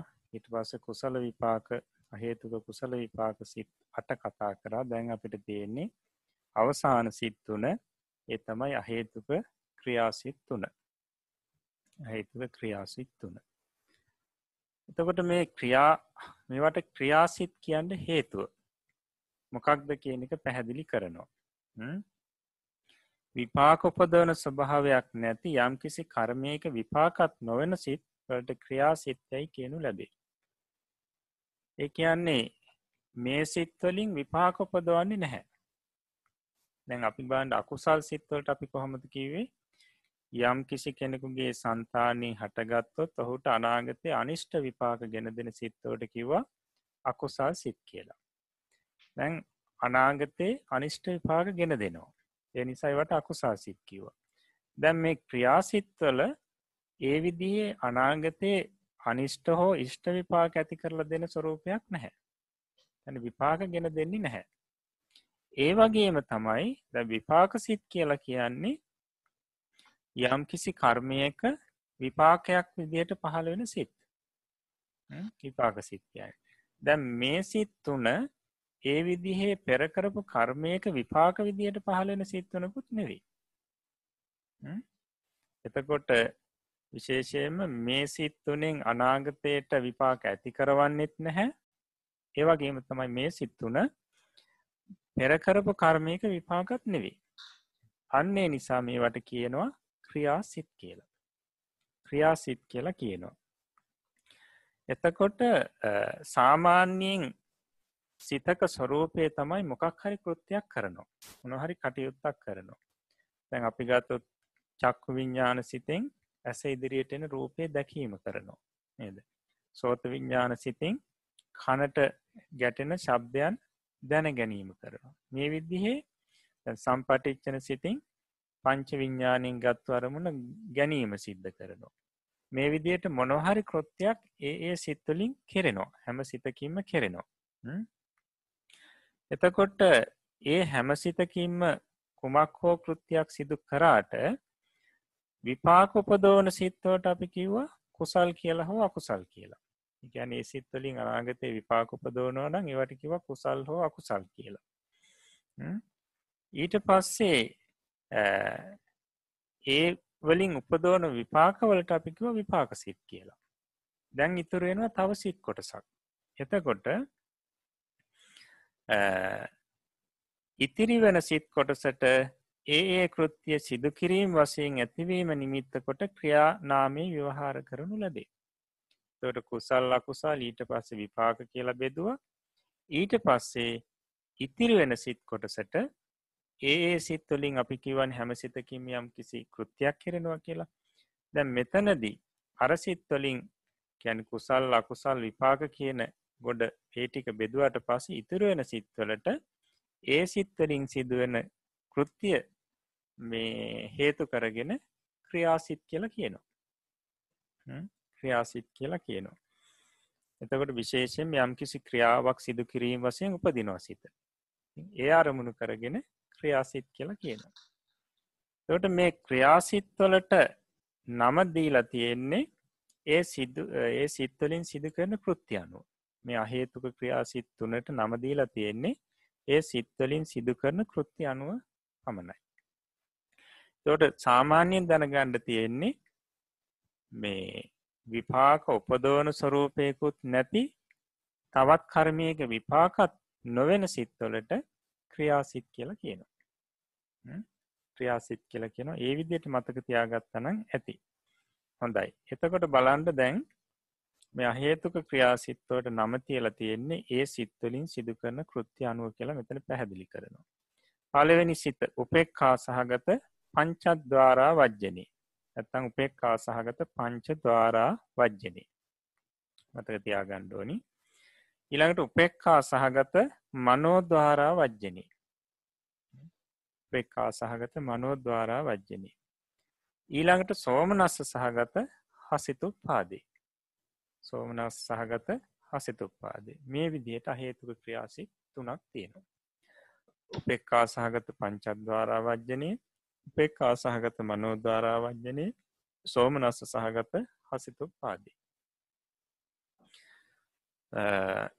දැම් මේ සිත් තුනෙන් මේ පළවෙනි සිද් දෙක ඇත්තටම හරියටම පැහැදිලි කරලා දෙන්න පුළුවන් වෙන්නේ පසුව. චිත්ත වීති කියන පාඩම තමයි මේ සිද් දෙක හරියටම පැහැදිලි කරලා දෙන්න පුළුවන්. නමුත් සෝමනස් සහගත හසිතු පාදය කියන්නේ මොකක්ද කියන එක මෙතනීම පැහැදිලි කරලා දෙන්න පුළුව.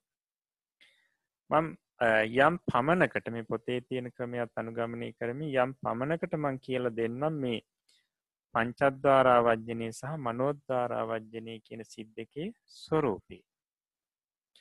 දැන් අපි දැනගණ්ඩෝනි මේ සිත් උපදන ස්ථාන තියෙනවා. සිත් උපදන ස්ථාන. දැන් ඇස කණ්ඩ නාසේ දිව කය කියලා මේ සිත් උපදින ස්ථාන පහක් තියෙනවා. තොට අපි සිත් උපදන ස්ථානවට කියන දවාර කියලා. ද්වාර කියලා කියනවා දැන් දොරටු ඒක සාමාන්‍යයෙන් මේ රූපාදී අරමුණු ඇතුළු වන දොරටුවලට තමයි ද්වාර කියලා කියන්නේ ට ඇසකන නාසේ දිව ශරීරය කියලා කියන්නේ මේ අරමුණු ඇතුළු වන දොරටු. එනිසා මේවට ද්වාර කියලා කියනවා. ඊට පස්සේ තව දවාරයක් තියෙනවා. එකට කියන මනෝද්වාරය කියලා.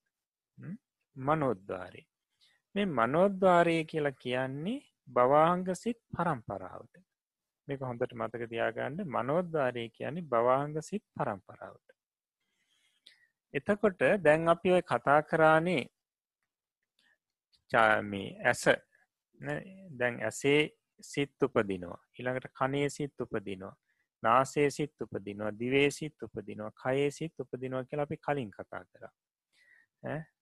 ඇසින් ගන්න අරමුණමකක්ද රූපේ. කනින් ගන්න අරමුණ ශබ්දේ. නාසයෙන් ගන්න ගන්දේ දිවෙන් ගන්න රසේ. කයින් ගන්න මේ ස්පර්ශය එතකොට මේ ඇසේ පහළ වෙනවා සිත් දෙකක්.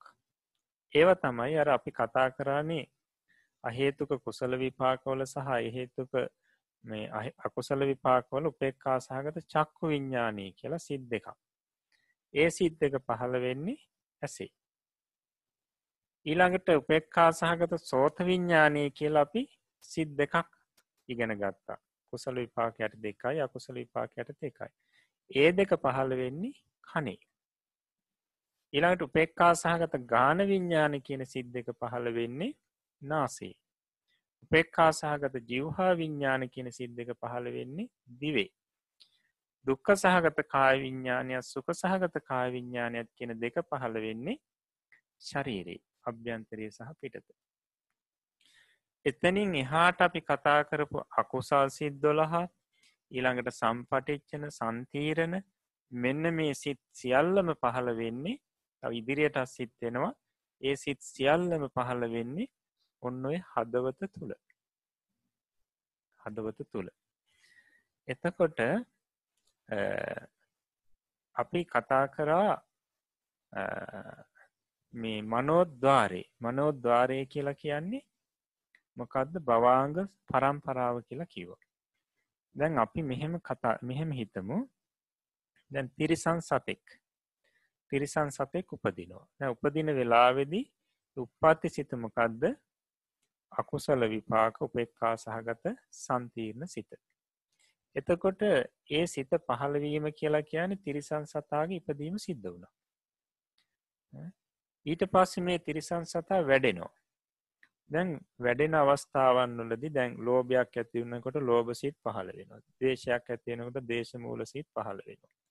ඊළඟට ලස්සන දෙයක් දකිනකොට කුසල විපාක උපෙක්කා සහගත චක්කු විඤ්ඥාන සිත පහල වෙන ඔය විදියට සිත් පහළ වෙනවා.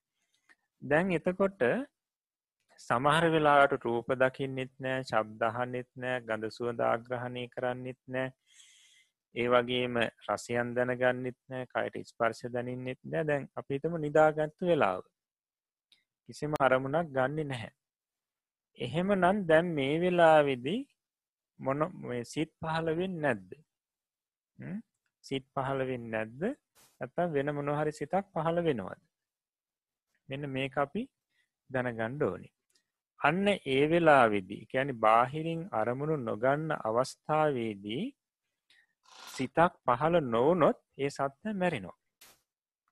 දැන් සිතක් පහලෙන ඉට පසේක නැතියෙනවා ඒත් එක්කම තව එකක් පහළ වෙන්ඩුවනි ඊළඟට ඒක නිරුද්ධයනකොටම තව එකක් පහළ වෙන්ඩුවන් ඒක නිරුද්ධයනකොටම තව එකක් පහළ වෙන්ඩ මේ විදියට එක දිගට නොනවත්වා සිත් පහළවෙමින් නිරුද්ධවිමින් යන්ඩුවනි කැන එක වරකට එක සිතයි පහළවෙන්නේ ඇසේ සිත පහළ වනානම් ඒ වෙලායි කනේ සිත පහළ වෙන්න ඒක නිරුද්ධනාට පස තමයි කනේ සිත පහළවනම් පහළවේ මේ විදිහට දැන් සාමාන්‍යයෙන් දැන් අපි ඒ තිරිසන් සතා නිදාගන්න වෙලා වෙදී අර අකුසල්ලාදී සිත් පහළ නොවෙනවා.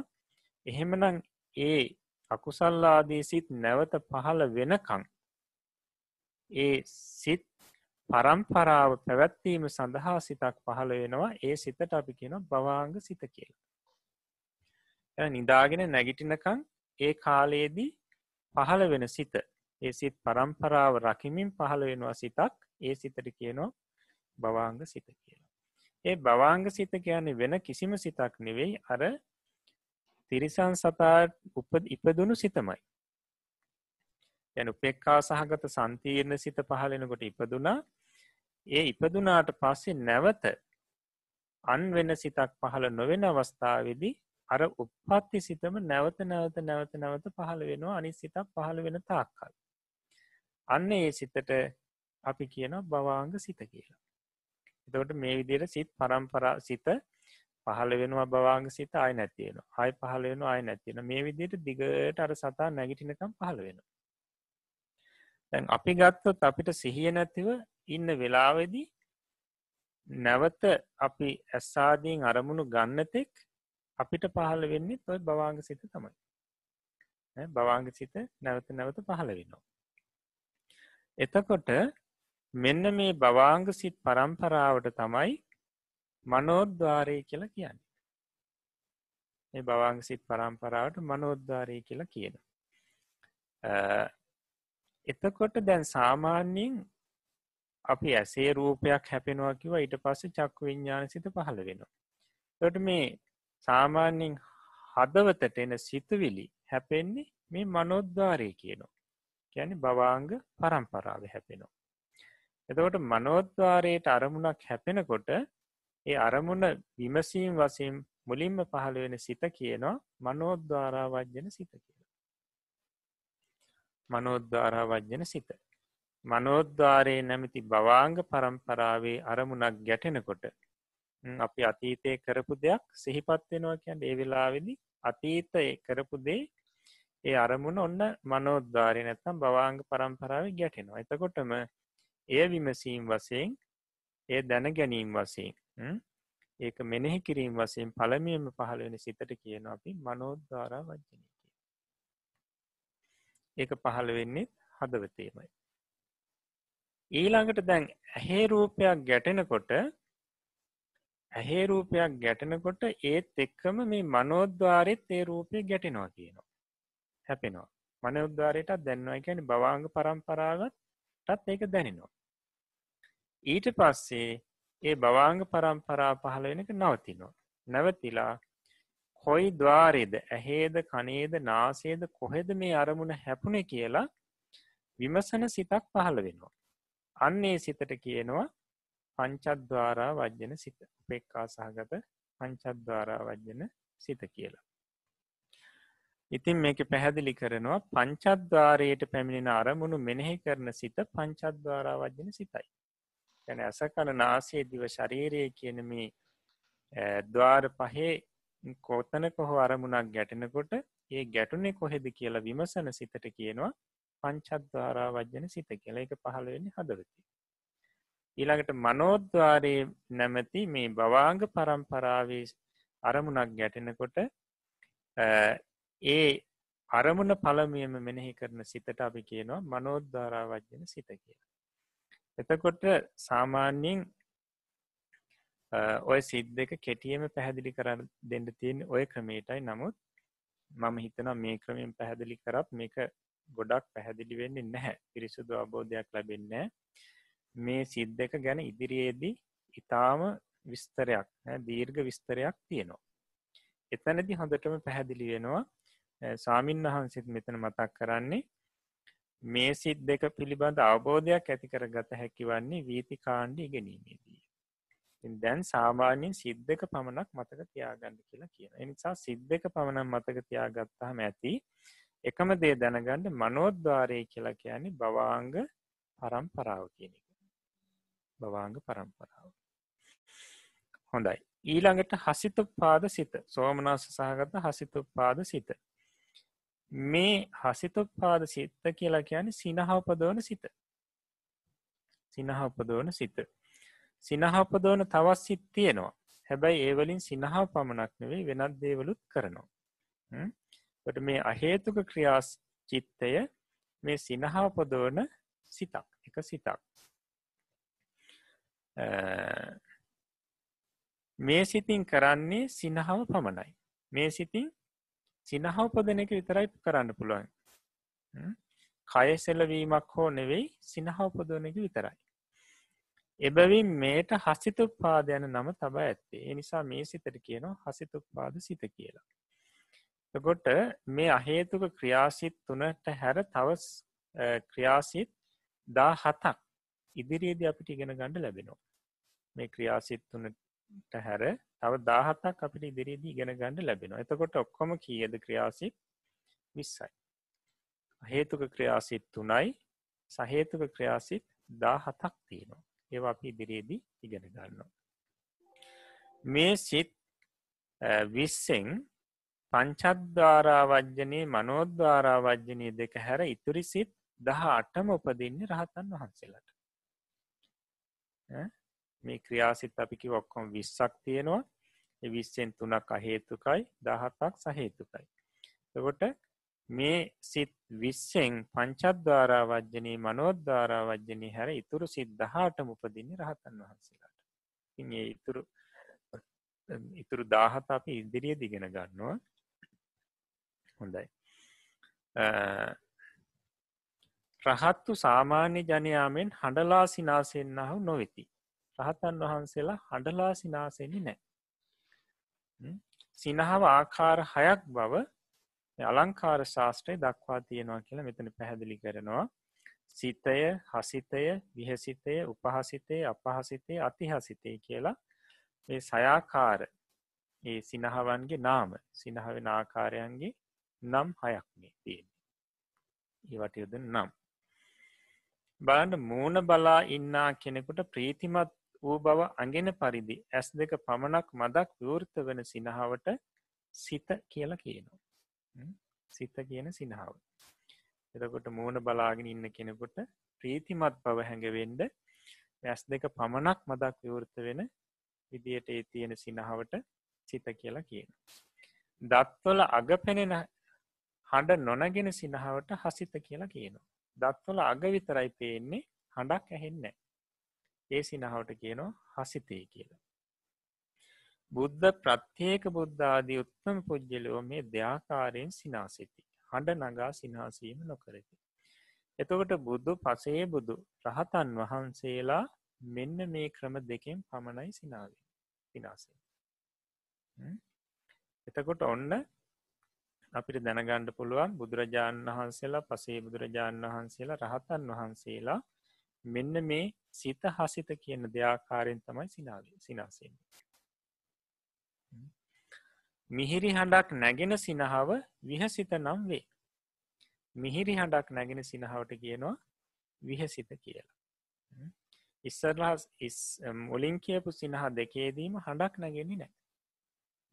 පලනි සිනහවිදි ඇස් දෙක ටිකක් විවෘත වෙනවා ඊට පස දෙවෙනි එකේ දත් අග පෙනෙනවා. ඊළඟට උපහසිත කියන එක. හිස සහ උරහිස් සැලෙන සිනහාවට කියනවා උපහසිත කියලා.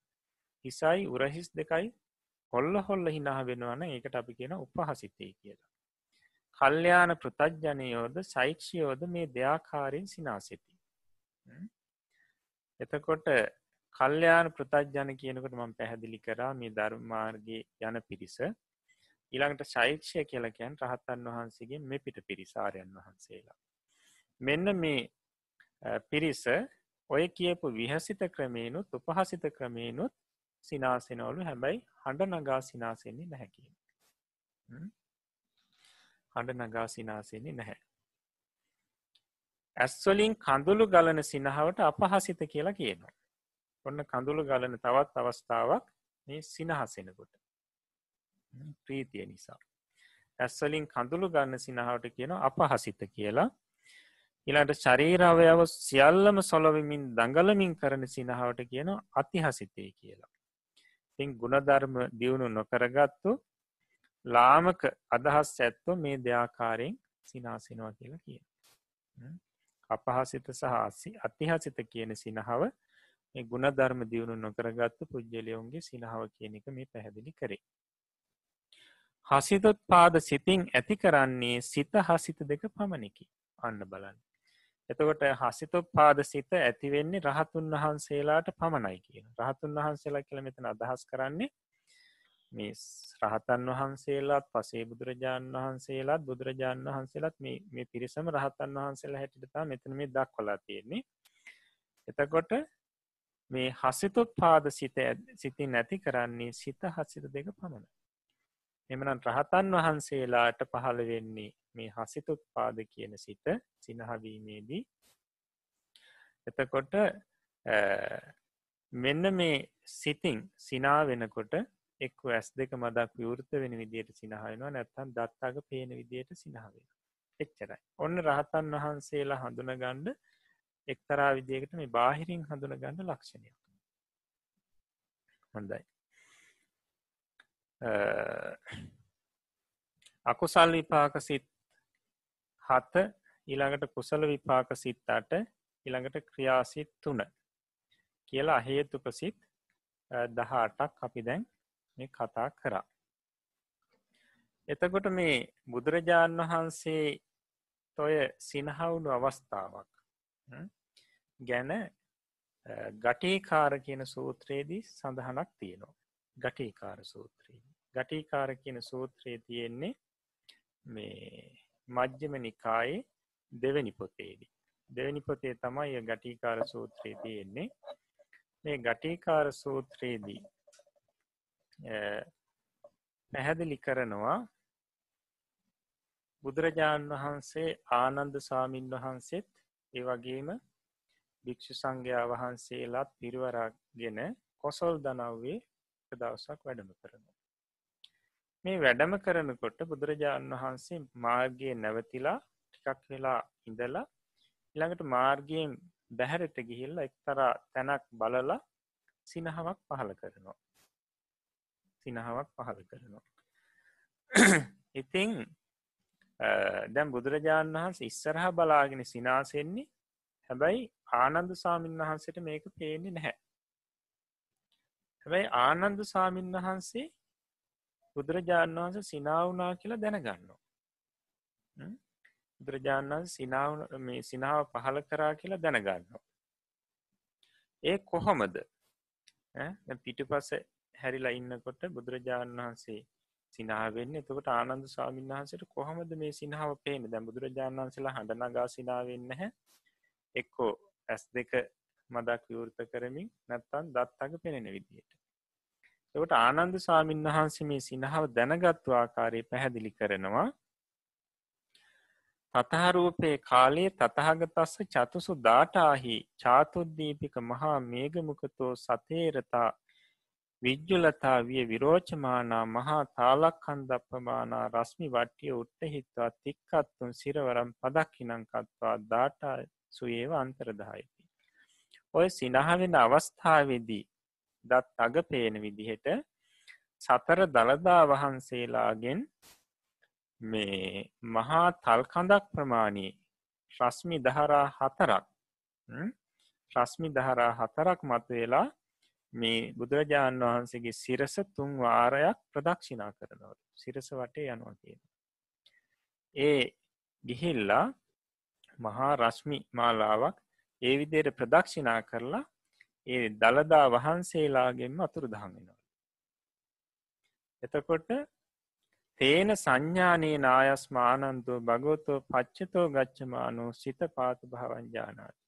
මෙන්න මේ සංඥාවෙන් තමයි ආනන්ද සාමීන් වහන්සේ භාග්‍යතුන් වහන්සේ පිට පසින් යනකොටත් බුදුරජාණන් වහන්ස සිනහවුනා කියලා දැනගන්න කියලා කිය.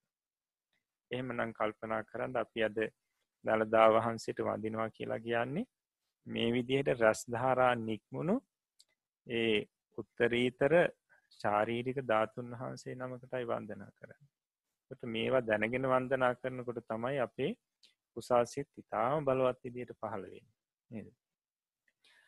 ඉතින් මේ මෙන්න මේ අවස්ථාවේදී ආනන්ද සාමීන් වහන්සේ කල්පනා කරනවා බුදුරජාණන් වහන්සේලා නිකරුණේ සිනහවෙන්න හැ.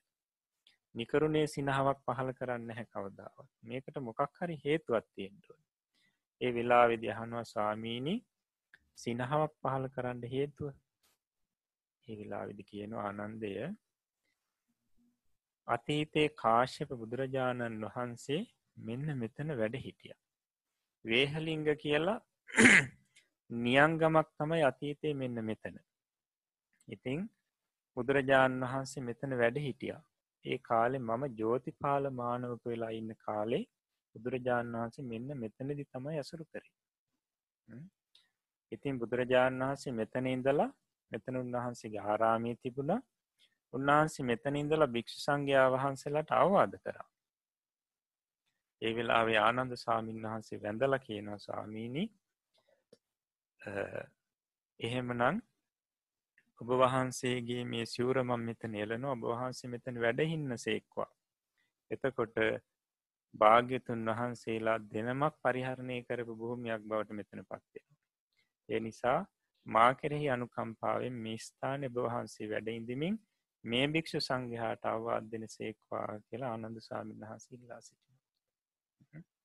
ට බුදුරජාණන් වහන්සේලා දෙනමක් පාවිච්චි කරපු භූමියක් බවට පත්වෙනවා. හොඳ එත්තකොට බුදුරජාණන් වහන්සේ ඔන්න සිනහ පහල කරපු එක්තර අවස්ථාවක්. ඒ අවස්ථාවදි මේ දත්වල අග පේන විදිට තමයි සිනහාව පහල කරේ. එකොට ඒ වෙලාවෙදි මේ හසිතු පාද සිත පහළ වෙනවා. හොඳයි සිනහ පහල කරන තවත් හිත් තියෙනවා සාමාන්‍ය පෘතජ්ජනාය ආරයන් වහන්සේලා සිනහ පහල කරන සිත් තියෙන අපි ඒවා ඉදිරියේදී අපිට ඉගෙන ගණඩ පුළුවන් හොඳයි එතකොට අපි දැන් අහේතුක සිත් තුනත් අහේතුක ක්‍රියා සිත් තුනත් ඉගෙන ගත්තා. ට අකුසල් විපාක සිත් හතයි කුසල විපාක සිත් අට ක්‍රියාසිත් තුන කියලා හේතුක සිත් දහ අටයි එම නැත්තඟ අකුසල විපාක සිත් හතයි අහේතුක කුසල විපාක සිත් අටයි අහේතුක ක්‍රියාසිත් තුනයි. තවට ක්‍රියාසිත් දහට අපි ඉගෙනගෙන අවසානයි. මේ අහේතුක සිත් කියන්නේ දුරුවල සිත් කොටසක්. ඒ නිසා මේවල සංකාර බෙහෙදේ අභිධර්ම පාලිය නැත අභිධර්ම දේශනාව දක්වලා නැහැ. අසංකාරිකද සසංකාරිකද කියලා සිත් ගණන් ගැනීමේදී අසංකාරික සසංකාරික කියලා සිත් කොටස් කරන වෙලාවෙදි අපි මේවා ගන්නේ මේ අසංකාරික සිත් හැටියට. අසංකාරික සිත් හැටියට තමයි සලකන්නේ. අරමුණ ගැටෙනකොට මේ සිත් පහළ වෙනවා. අහේතුක සිත් දහටේ සෝමනස්ස සහගත් සිත් දෙකක් තියෙනවා. මොනවල් සෝමනස් සහගත් සිත් දෙක සෝමනස්ස සහගත සන්තේරණය තියෙනවා. ඊට පස්සේ ක්‍රියාවල සෝමනස් සහගත හසිතුපාදී තියෙනවා. ඊළඟට උපේක්ෂා සහගත සිද්දා හතරක් තියෙනවා. මොනවද? සාමාන්‍යයෙන් අකුසල විපාක සිත් හතේ මුල් හතර උපේක්ෂා සහගතයි. ඊළඟට උපේක්කා සහගත සම්පටික්ෂණ උපේක්කා සහගත සන්තිීර නතකොට හයක් තියෙනවා අකුසල් විපාකවල උපේක්කා සහගත සිත්. ඊළඟට කුස අහේතුක කුසල විපාකවල තියෙනවා පළවෙනි හතරම උපේක්ෂා සහගතයි. ඊළඟට උපෙක්කා සහගත සම්පටිච්චනේ ඊළඟට අවසාන සිත උපෙක්කා සහගත සන්තියන්නේ එකෙත් තියෙනවා හයක් එට දොළහයි. ඊළඟට අහේතුක ක්‍රියාසිත් තුළ තියෙනවා උපෙක්කා සහගත පංචද්වාරාවජ්‍යන උපෙක්කා සහගත මනෝද්වාරාවයි. තකට දෙකයි ඔක්කොම දා හතරයි. සුක සහගත සිත් එකයි. මොනවද සුක සහගත කායි විඤ්ඥානි දුක්ක සහගත සිත් එකයි දුක්ක සහගත කායි විඤ්ඥානි. හොඳයි. ඔන්න එතකොට දැන් අපි මෙතෙක් ඉගෙන ගත්තු සියලුම සිත්. අකුසා සිත් දොළහයි අහේතුක සිත් දහටයි කියන මේ සිත් තිහැට කියනවා අශෝභන සිත් කියලා. මතක තියාගන්න හොදට අකුසා සිත් දොළහටත් ඉළඟට අහේතුක සිද්ධහාටටත් කියනවා අශෝභන සිත්. ට ඔක්කොම තිහයි. ඊළඟට අපිට ඉදිරිය දියනවා දැන් අපි සිත් තිහක් කතා කරා සිත් අසූ නමෙන් එතකොට පනස් නමයක් ඉතුරුයි. ඊළඟට අපේ සිත් එකසිය විසියක ක්‍රමයෙන් තිහක් අයින් කරාම අනු එකක් ඉතුරෙනවා මෙන්න මේ පනස් නමේ හෝ නැත්තන් දීර්ඝ ක්‍රමෙන් අනු එකක් වෙන සිත්තෝට සෝබන සිත් කියලා කියනවා.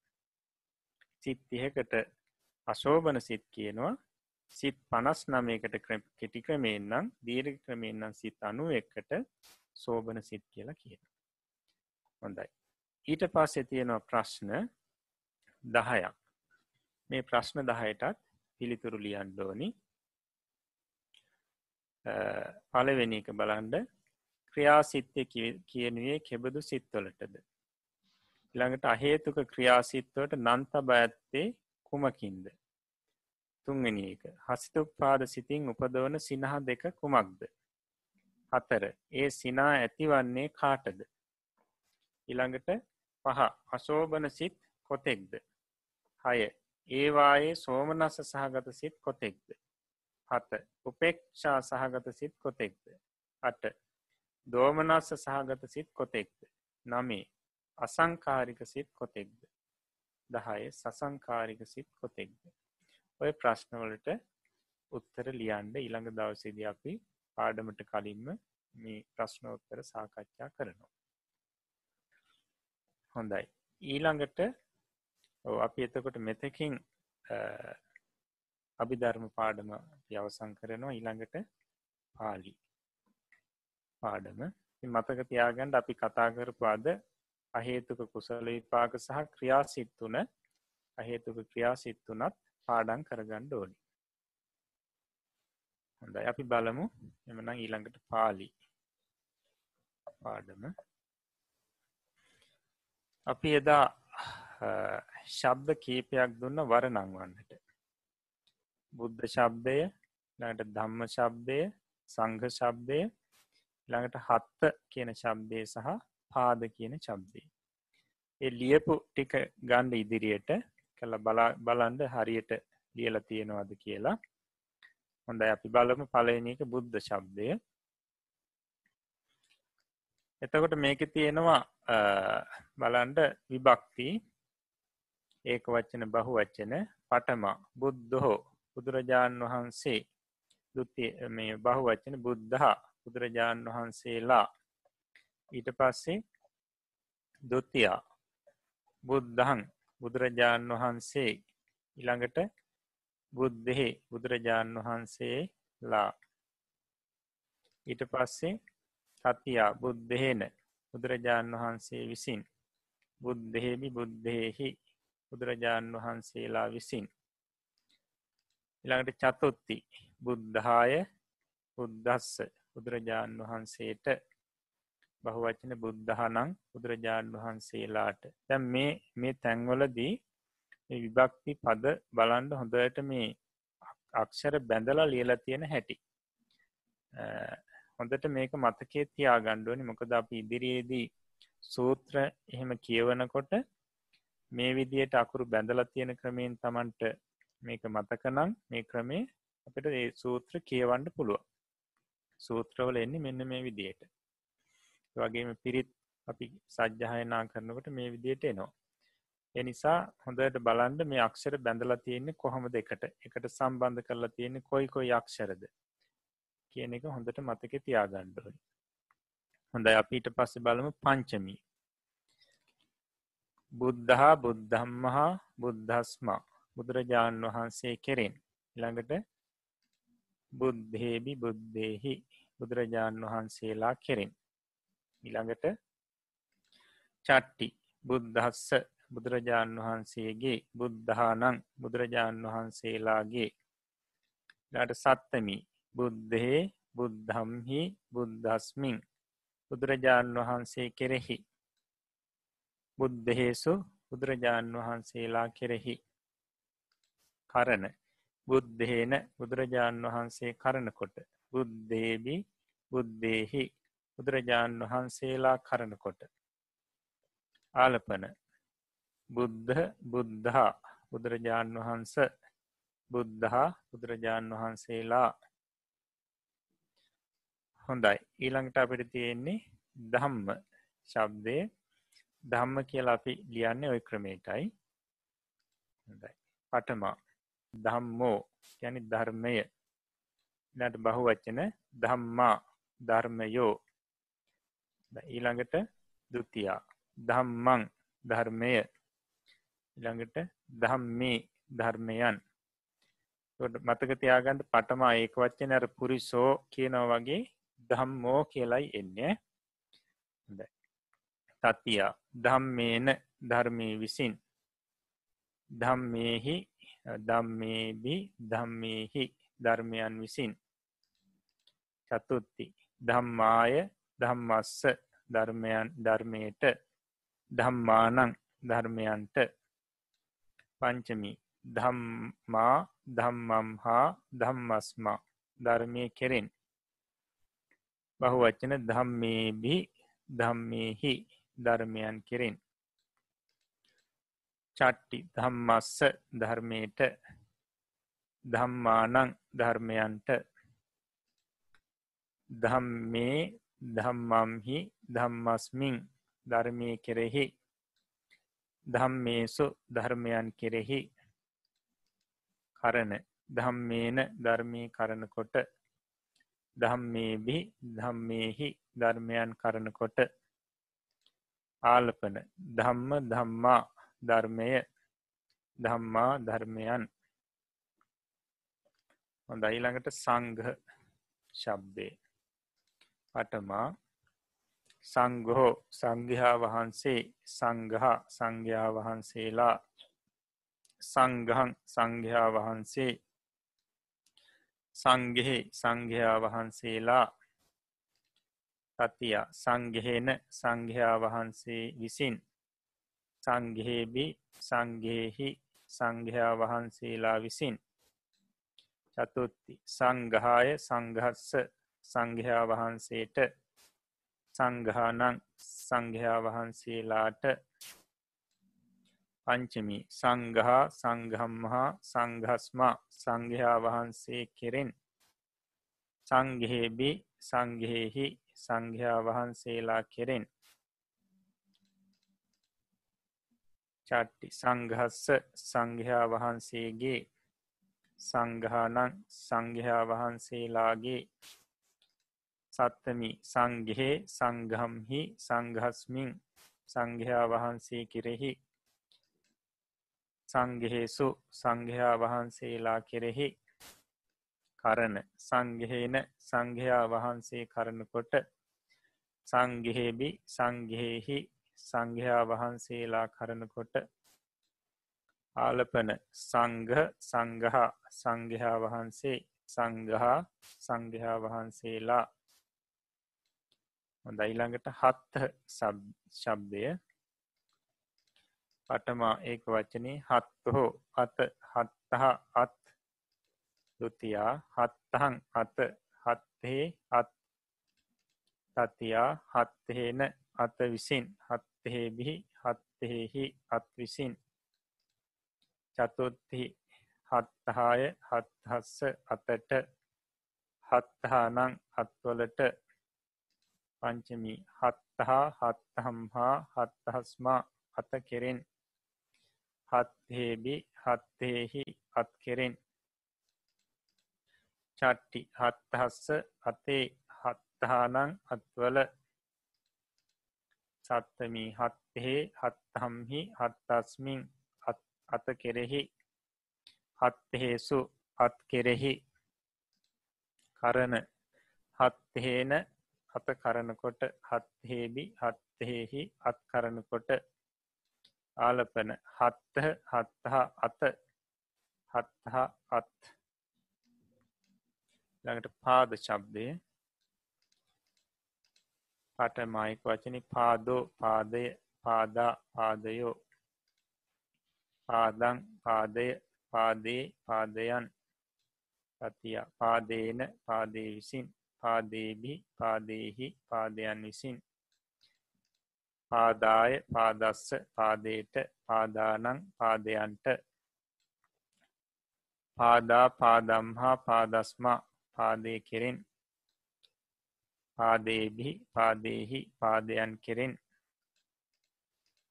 චට්ටි පාදස්ස පාදයේ පාදානං පාදයන්ගේ. පාදේ පාදම්හි පාදස්මින් පාදය කෙරෙහි. පාදේසු පාදයන් කෙරෙහි. කරන පාදේන පාදය කරනකොට. පාදේබි පාදේහි පාදයන් කරනකොට. ආලපන පාද පාදා පාදය පාදා පාදයන්. හොඳයි. එතකොට ඔය විදියට ලියලා තියෙනවා නම් තමන් හරිදාගණ්ඩ නැත්නම් වැරදිනම් සකස් කරගණ්ඩ ඕනි. එතකොට අපි අද තවත් ශබ්ද දෙකක් දෙනවා. නම් මේ ශබ්ද පුරිෂ ශබ්දය විදියට වරණැගෙන ශබ්ද නෙවෙයි. ඒ නිසා තේරුම සහිතව මේ ශබ්ද දෙකේ දෙකම අපි වරණගලත් දෙනවා. මේක තියෙන්නේ මේ දෙකම පාඩන් කර ගණ්ඩුවනි මතක ඉතියා ගණ්ඩුවනි එකක් අම්හ ශබ්දය අනික තුම්හ ශබ්දය. දැන් අපි මුලින්ම අම්හ ශබ්දය. අට අම්හ ශබ්දය වරණගෙන්නේ මෙන්න මේ විදියට. පටම ඒක වච්චනයේදී අහං. අර්ථය මම. බහුවච්චනය මයං අම්හේ කියල දෙකක් තියෙනවා. අම්හේ කියන එක බැඳල ලියලා තියෙන ඉටවස වරහන් ඇතුළේ වෙන් කරලා ලියලා තියෙනවා. අපි දැනගණ්ඩෝනය බැඳල තියෙන ක්‍රමේ ට මයං අම්හේ එකන අපි කියන එක.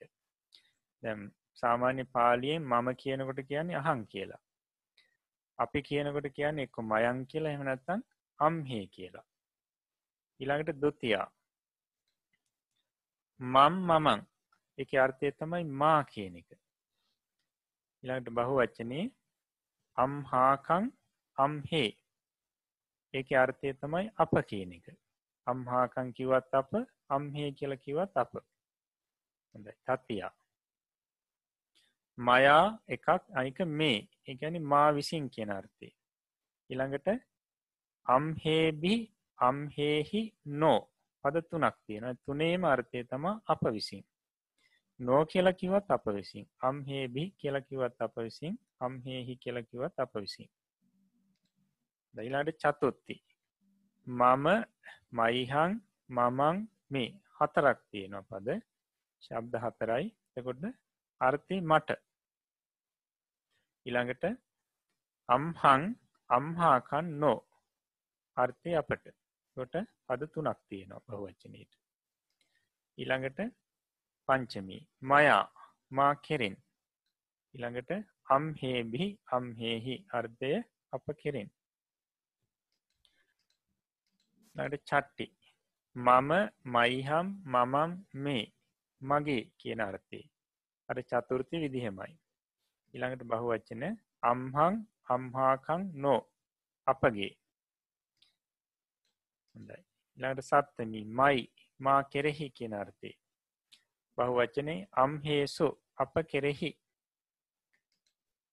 කරන මයා මා කරනකොට අම්හේබි අම්හෙහි අප කරනකොට හොඳයි. මතක තියාගන්න මේ අම්හ ශබ්දයේ හෝ තුම්ම ශබ්දයට ආලපනයක් නැහැ.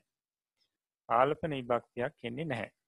එනිසා තම කරන විභක්තියෙන් නැවතුනි. ඊළඟට තුම්හ ශබ්දය බලමු. ඒකේ පටමායක වච්චනය තුවන් තුවන් දෙකක් තියෙන පලවෙනි එක කොහොමද කියන්නේ? තුවන් කියලා. දෙවෙනි එක කියන්නේ තුවන් කියලා. එක හරි උච්චාරණය කරන්න ඕනි. පළවෙනි එක තුවන් කියලා කියනවා. දෙවෙනි එක තුවන් කියලා කියනවා.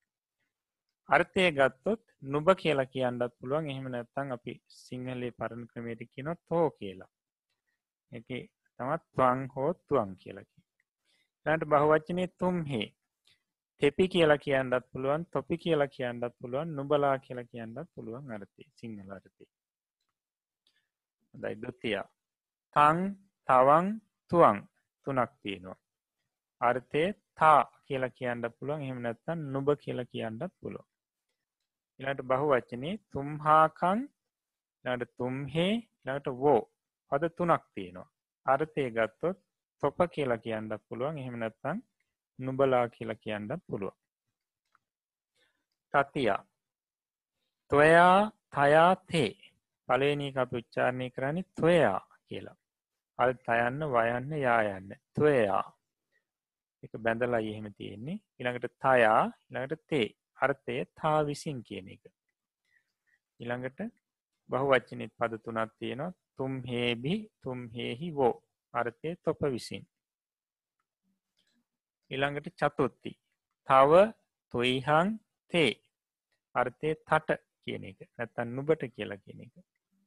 නැට බහු වච්චනේ තුම්හං තුම්හාකං වෝ. පද තුනයි තොපට කියන අර්ථය. පංචමි. තයා. තා කෙරෙන්. තුම්හේබි තුම්හෙහි. පද දෙකයි අර්ථය තොප කෙරෙන්.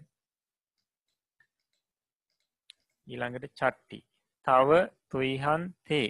පද තුනක් තියෙනවා. අර්ථය තාගේ. තුම්හන් තුම්හාකං වෝ තොපගේ. තුවයි තයි. පලවෙනි එක කියන්නේ තුවයි කියලා. ළඟට තයි. සත්තමියක වචනී. තා කෙරෙහි. නැත්නාපි කියෙන නුබ කෙරෙහි. ඉළඟට තුම් හේසු. තොප කෙරෙහි. තොප කෙරෙහි කියලා කියනවා. ළඟට කරන. තොයා තයා. ඒකත් අපි කියන්නේ තොයා කියලා. ළඟට තයා. තා කරන කොට ළඟට බවවචනය තුම් හේබිහි තුම් හේහි තොප කරන කොට එතකොට අම්හ තුම්ම ශබ්ද දෙකට ආලපනයක් නැත. ඒක තම සාමාන්‍ය පාලි ක්‍රමේ හොඳයි. ඊළඟට ප්‍රශ්නයක් තියෙනවා. පහත දී ඇති පාලි පාට සිංහල සිංහලට පරිවර්තනය කරන්න. ඔන්න පලේනක බුද්ධස්ස දම්මෝ ඊළඟට පුරිසස්ස පාදා. දේවස්ස හත්තෝ.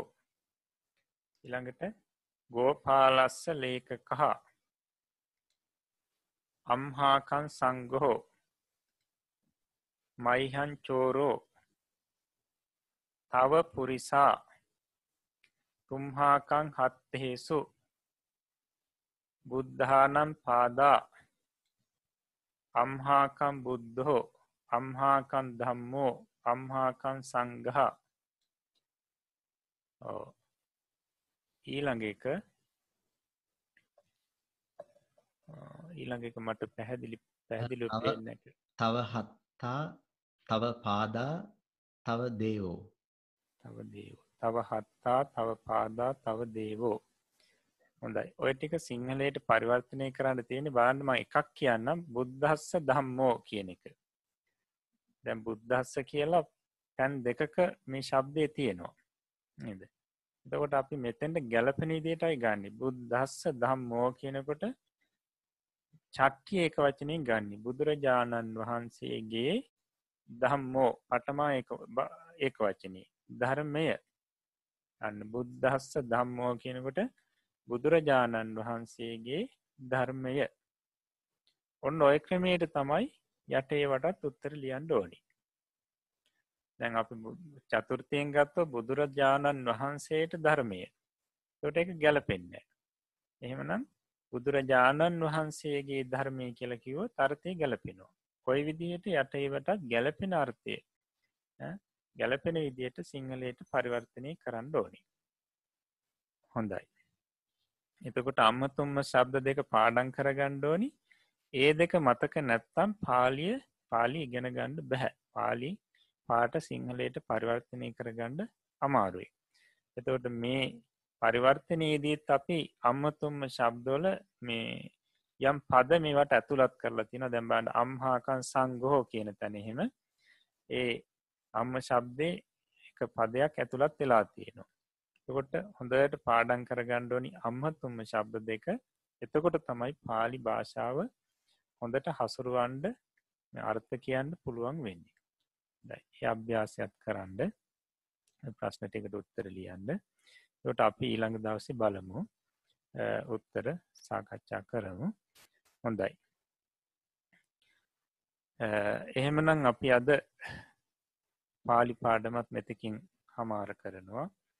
අපි ධර්මී අපි කලින්ම අද පාඩම අවසං කරා. එතකොට අද දවසේදී අපි පාලි පාඩම යටතේ අහේතුක කුසල විපාක සිත් සහ ඉළඟට ක්‍රියාසිත් ඉගෙන ගැනීම තුළින් ඒවගේම පාලි භාෂාවට අදාළ ශබ්ද කීපයක් අපි ගෙන ගැනීම තුළින් සන්තානය කුසල සිතුවිලි ජනිත කරගණ්ඩ යෙදුනා. මේ රැස් කරගන්නට යෙදුණු සියලූම කුසල් සිතීලිල ආනිසංස වසයෙන් හැම දෙනාටම නිදුක් නිරෝගී දිගාසිරි සර සේවා තව තවත් මේ ධර්මයන් දැන කියා ගන්නට අවබෝධ කරගන්නට ශක්තිය දහිරිය වාසනා වීරය සැලසේවා. ඒ සඳහා සත්පුරුෂ කල්්‍යාන මිත්‍රයන්ග දවපකාර ලැබේවා. විවේක පසුබිම විවේක පරිසර සැකසේවා. දිවෙතා මණ්ඩලේ ධර්මික දේවා රක්ෂාවත් නිරතුරුවම සැලසේවා. ප්‍රාර්ථනා පරිද්දෙන් උතුම් බෝධිඥානවලින් නිවනින් සැනසෙන්න්නටම මේ පින් හැම දෙනාටම එකසේම හේතුපකාර වේවා කියලා අපි ආශිර්වාද කරනවා. ඒ වගේම ශාසන ආරක්ෂක ලෝකපාලක ආත්මාරක්ෂ කල්පේශාකි මහේශාක්‍ය දිවතා මණ්ඩලේටත් මේ පින් දැනේවා පෙනේවා මෙපින් අනුමෝදං වෙත්වා දෙවියෝ සැපෙන් සැපේට පත්වෙත්වා බුද්ධ ශාසනය බුද්ධ ශ්‍රාවකයන් නිරතුරුවම ආරක්ෂා කරත්වා කියලපි පුුණ්‍යානුමෝදනා කරමින් ආරාධනා කරමු. ඒවගේම මිය පරලෝ ගොස්ස පින් බලාපොරොත්වයෙන් පසුවන ඥාති බන්ධ හිතයි සීනුත් මේ පින් එක බලා සතුටින් සාදරයෙන් අනුමෝදංව තමන්ගේ පරලෝ ජීවිත සුකී සුවපත් භාවයට පත් කර ගනිත්වා කෙලවර නිවනින් සැනසෙත්වා කියලපි ඥාතීන්ටත් පුුණ්‍යානුමෝදනා කරමු. ඒ වගේම අපට මේ ධර්මය කියා දුන්න ගුරුතුමන් වහන්සේලාටත් හදා වඩා පෝෂණය කරපු දෙමවපියන්ටත් ඒ වගේම ශාසනික මවුරු පියවුරු සහෝදර සහෝදරියන්ටත් බුද්ධ ශාසනය වෙනින් කාලය ධනී ශ්‍රමය කැප කරල මේ වෙනකොට ගිලම් බවෙන් පසුවන හැම දෙනාටමත් මේ මේ වැඩසටහන විකාශනය කිරීම සඳහා පෙරමුණ අරගෙන කටයුතු කරන හැම දෙනාටමත් මේ පින් ජීවිතයට ආශිරවාදයක්ම වේවා නිදුක් නිරෝගී දිගාසිරි සැලසේවා සම්යක් ප්‍රාර්ථනා මුදුන් පත්තේවා කෙලවර නිවනින් සැනසෙන්න්නටම මේ පින් එක සේම හේතුපකාර වේවා කියලා ප්‍යාශිර්වාද කරනවා. අවසාන වසයෙන් අප හැම දෙනාටම මේ උතුම් පුුණ්‍ය ශක්තිය සතර මාර්ග සතර පල පිළිවෙලින් නිවනින් සැනසෙන්න්නටම හේතුපනිස්ට්‍රේ වේවා කියන ප්‍රාර්ථනා වැති කරගෙන මංකීවට පසු මේ වාකය කියමින් නිවන්සුව ප්‍රාර්ථනා කරමු. ඉදම් මේ පුං්ඥකම්මං පුං්ඥකම්මං ආසවක්කයා වහං හෝතු. වක්කයා වහං හෝතු. සබ්බ දුක්කහා පමුංචතු. බදුක්කා පමුංචතු. මාගේ මේ පුුණ්්‍ය ධර්මය. මගේ මේ පුුණ්්‍ය ධර්මය. මාර්ගඵල නිවන් පිණිසම. මාර්ගඵල නිවන් පිණිසම. හේතුවේවා හේතුවේවා වාසනාවේවා වසනාවේවා සාධූ සාධූ සාධූ අද දිනයේත් මේ උතුම් වැඩසටහන සාර්ථකව සිද්ධ කරගන්නට අපට හැකියාව ලැබුණේ අපේ ගෞරවනීය ස්වාමීන් වහන්සේ බොහෝමත්ම අනුකම්පාවෙන් බොහොමත්ම ඕනෑ කමින් මේ වැඩසටහන මෙහෙවනට යෙදුණා. ගෞරවනීය ස්වාමීන් වහන්සේ මහත් කැපවීමෙන් ඒ අවශ්‍ය කරන සටහන් සම්පාදනය කරමින් ඒ සියලු කටයුතු සූදානම් කරගනිමින් අපට මේ ධර්මය මැනවින් වඩාත්ම විස්තරාත්මකව වඩාත් පැහැදිලිව නිරවුල්ව කියා දෙන්නට මහත් වෙහෙසක් ගන්නා බව අපි කවුරුත් දන්නා කරුණා. සති දහයක් පුරාවට වැඩසටහන් දහයක් ඔස්සේ ලෝකයේ රටවල් ගණනාවක සිටින දහ සංඛ්‍යාත ශ්‍රී ලාංකික ඔබ අප සෑම සිරු දෙනාම සුවසේම සිත්සේ මේ ධර්මය ලෝතුරා බුදුරජාණන් වහන්සේ විසින් ලෝක සත්වයාට අනුකම්පා පිණිස දේශනා කරන්නට යෙදුණු මේ උතුම් ශ්‍රී සද්ධර්මය සුවසේ ඉගෙන කියා ගන්නට නිවැරදිව නිරවුල්ව පිරිසිදුව ඉගෙන කියා ගන්නට අපිට හැකියාව ලැබිලා තිබෙන්නේ අපේ ගෞරවනීය ස්වාමින් වහන්සේ විසින් අපේ ගෞරවනීය ආරාධනාව පිළිගෙන මේ උතුම් වැඩසටහන අපිට සිදු කර දෙන්නට ඉදිරිපත් වීම නිසාවෙන්. ඒ නිසාවෙන් පළමු කොටම අපි සෑම සිළු දෙනාම අප විසින් ජනිත කරගත්තා වූ අප විසින් මේ ජීවිතය තුරාවට සිදු කරගන්නට යෙදුනා වූ. ඒ වගේම විශේෂයෙන් මේ උතුම් ධර්මදානමය පින්කම සිද්ධ කිරීමෙන් මේ ධර්මදානමය පින්කමට සහ සම්බන්ධ වීමෙන් ධර්මය ගෙන ගැනීමෙන් ජනිත කරගත්තා වූ සකල විපුල කුසට සම්භාර ශක්තිය නිසා වෙනුත් උදා කරගත්තා වූ උපයා ගත්තා වූ මේ මහා පුුණ්්‍ය සම්භාරය ගෞරවනීය ස්වාමීන් වහන්සේට නිදුක් නිරෝගී භාවය පිණිස කායික මානසික සුවපත් භාවය සැනසීම පිණිසම ස්වාමීන් වහන්සේගේ ධර්මඥාන භාවනාඥාන තව තවත් දියුණු පමුණු කරගනිමින් ස්වාමීන් වහන්සේට පාරමී කුසලයක් බවටම පත්වේවා ස්වාමීන් වහන්සේගේ ප්‍රාර්ථනීය බෝධියකින් අග්‍රාමෘර්ත නිවනින් සැනසීම පිණිසම මේ අප සෑම සිරු දෙනා විසින් ජනිත කරගත්තා වූ මේ උදාාරතර පින්කම ස්වාමින් වහන්සේට අපි අනුමෝදන් කරමු ස්වාමින් වහන්සේට ඒ උදාාරතර පුණ්‍යානුභාව බලයෙන් සුඛී සුවපත් භාවයට පත්වෙන්න හේතුපනිශ්‍රේ වේවා කියලා අපි ප්‍රාර්ථනා කරමු. ඒ වගේම ඔබ අප සෑම සියලු දෙනාටමත් මේ වැඩසටහනට නන් අයුරින් සහ සම්බන්ධ වෙන දායක වෙන අනුග්‍රහ දක්වන දැකබලා සතුටු වන සාදු සිතින් අනුමෝදන් වන්නා වූ සෑම සියලු දෙනාටමත් ඇසට පෙනෙන ඔබ අප සෑම සියලු දෙනා වගේම ඔබ අප අවට සිටිමින් මේ අන්තර්ජාල මාධ්‍ය ඔස්සේ හරි සහ සම්බන්ධ වෙමින් විවිධ ආකාරයෙන් සහ සම්බන්ධ වෙන්න වූ සියලු දෙනාටමත් ඒ වගේම සියලු දේවතා මණ්ඩලයන්ටත් මේ උදාහරතය ලැබෙන අපි ප්‍රාර්ථනීය බෝධියකින් අග්‍රාමෘත නිවනින් සැනසීම පිණිසම කායික මානසික සැනසෙල්ල උදාපත් කර ගැනීම පිණිසම හේතුපනිශ්‍රය වේවායි සාදර සිතින් සමාදර සිතින් අනුමෝදන් කරමු සියලු දෙවියෝද ඔබ අප සෑම සියලු දෙනාද මේ උදාහරතර පින් අනුමෝදන්ව වහවහාම චතුරතර වූ චතුරාර්ය සත්‍ය ධර්මයේ ප්‍රතිවේදයෙන් නිවනින්ම සැනසෙන්නට මේ පින්කම හේතුපනිශ්‍රය කර ගනිත්වායි ප්‍රාර්ථනා කරමු. හොඳයි. එහෙමනම් අද දවසේ මේ වැඩසටහනේ පළමු අර්ධය වන මේ අභිධර්ම පාඩම සහ පාලි පාඩම අවසන් කිරීම සඳහා අපි ගෞරවනීය ස්වාමින් වහන්සේ වන්දනා කරමු. අවසරයි ස්වාමීනි. ඕකාස වන්දාමි බන්තේ. හෝතු? මයා කතං පුඤ්ඤං සාමිනා අනුමෝදි තබ්බං සාදු සාදු අනුමෝදාන සාමිනා කතං පුඤ්ඤං මයිහං දාතබ්බං. සාදු අනුමෝදි තබ්බං සාදු සාදු අනුමෝදාමි ඕකාස ద్వාරත්තේන කතං සබ්බං අච්චයං කමත මේ බන්තේ. අමාමි කමිතබ්බං සාදු ඕකාස කමාමි බන්තේ. හෝතු නිබ්බාන පච්චේ හෝතු සබ්බ දුක්ඛා පමිච්චතු සීලවන්තං ගුණවන්තං පුඤ්ඤක් කෙත්තං අනුත්තරං දුල්ලබේන මයාලද්දං බුද්ධ පුත්තං නමාමං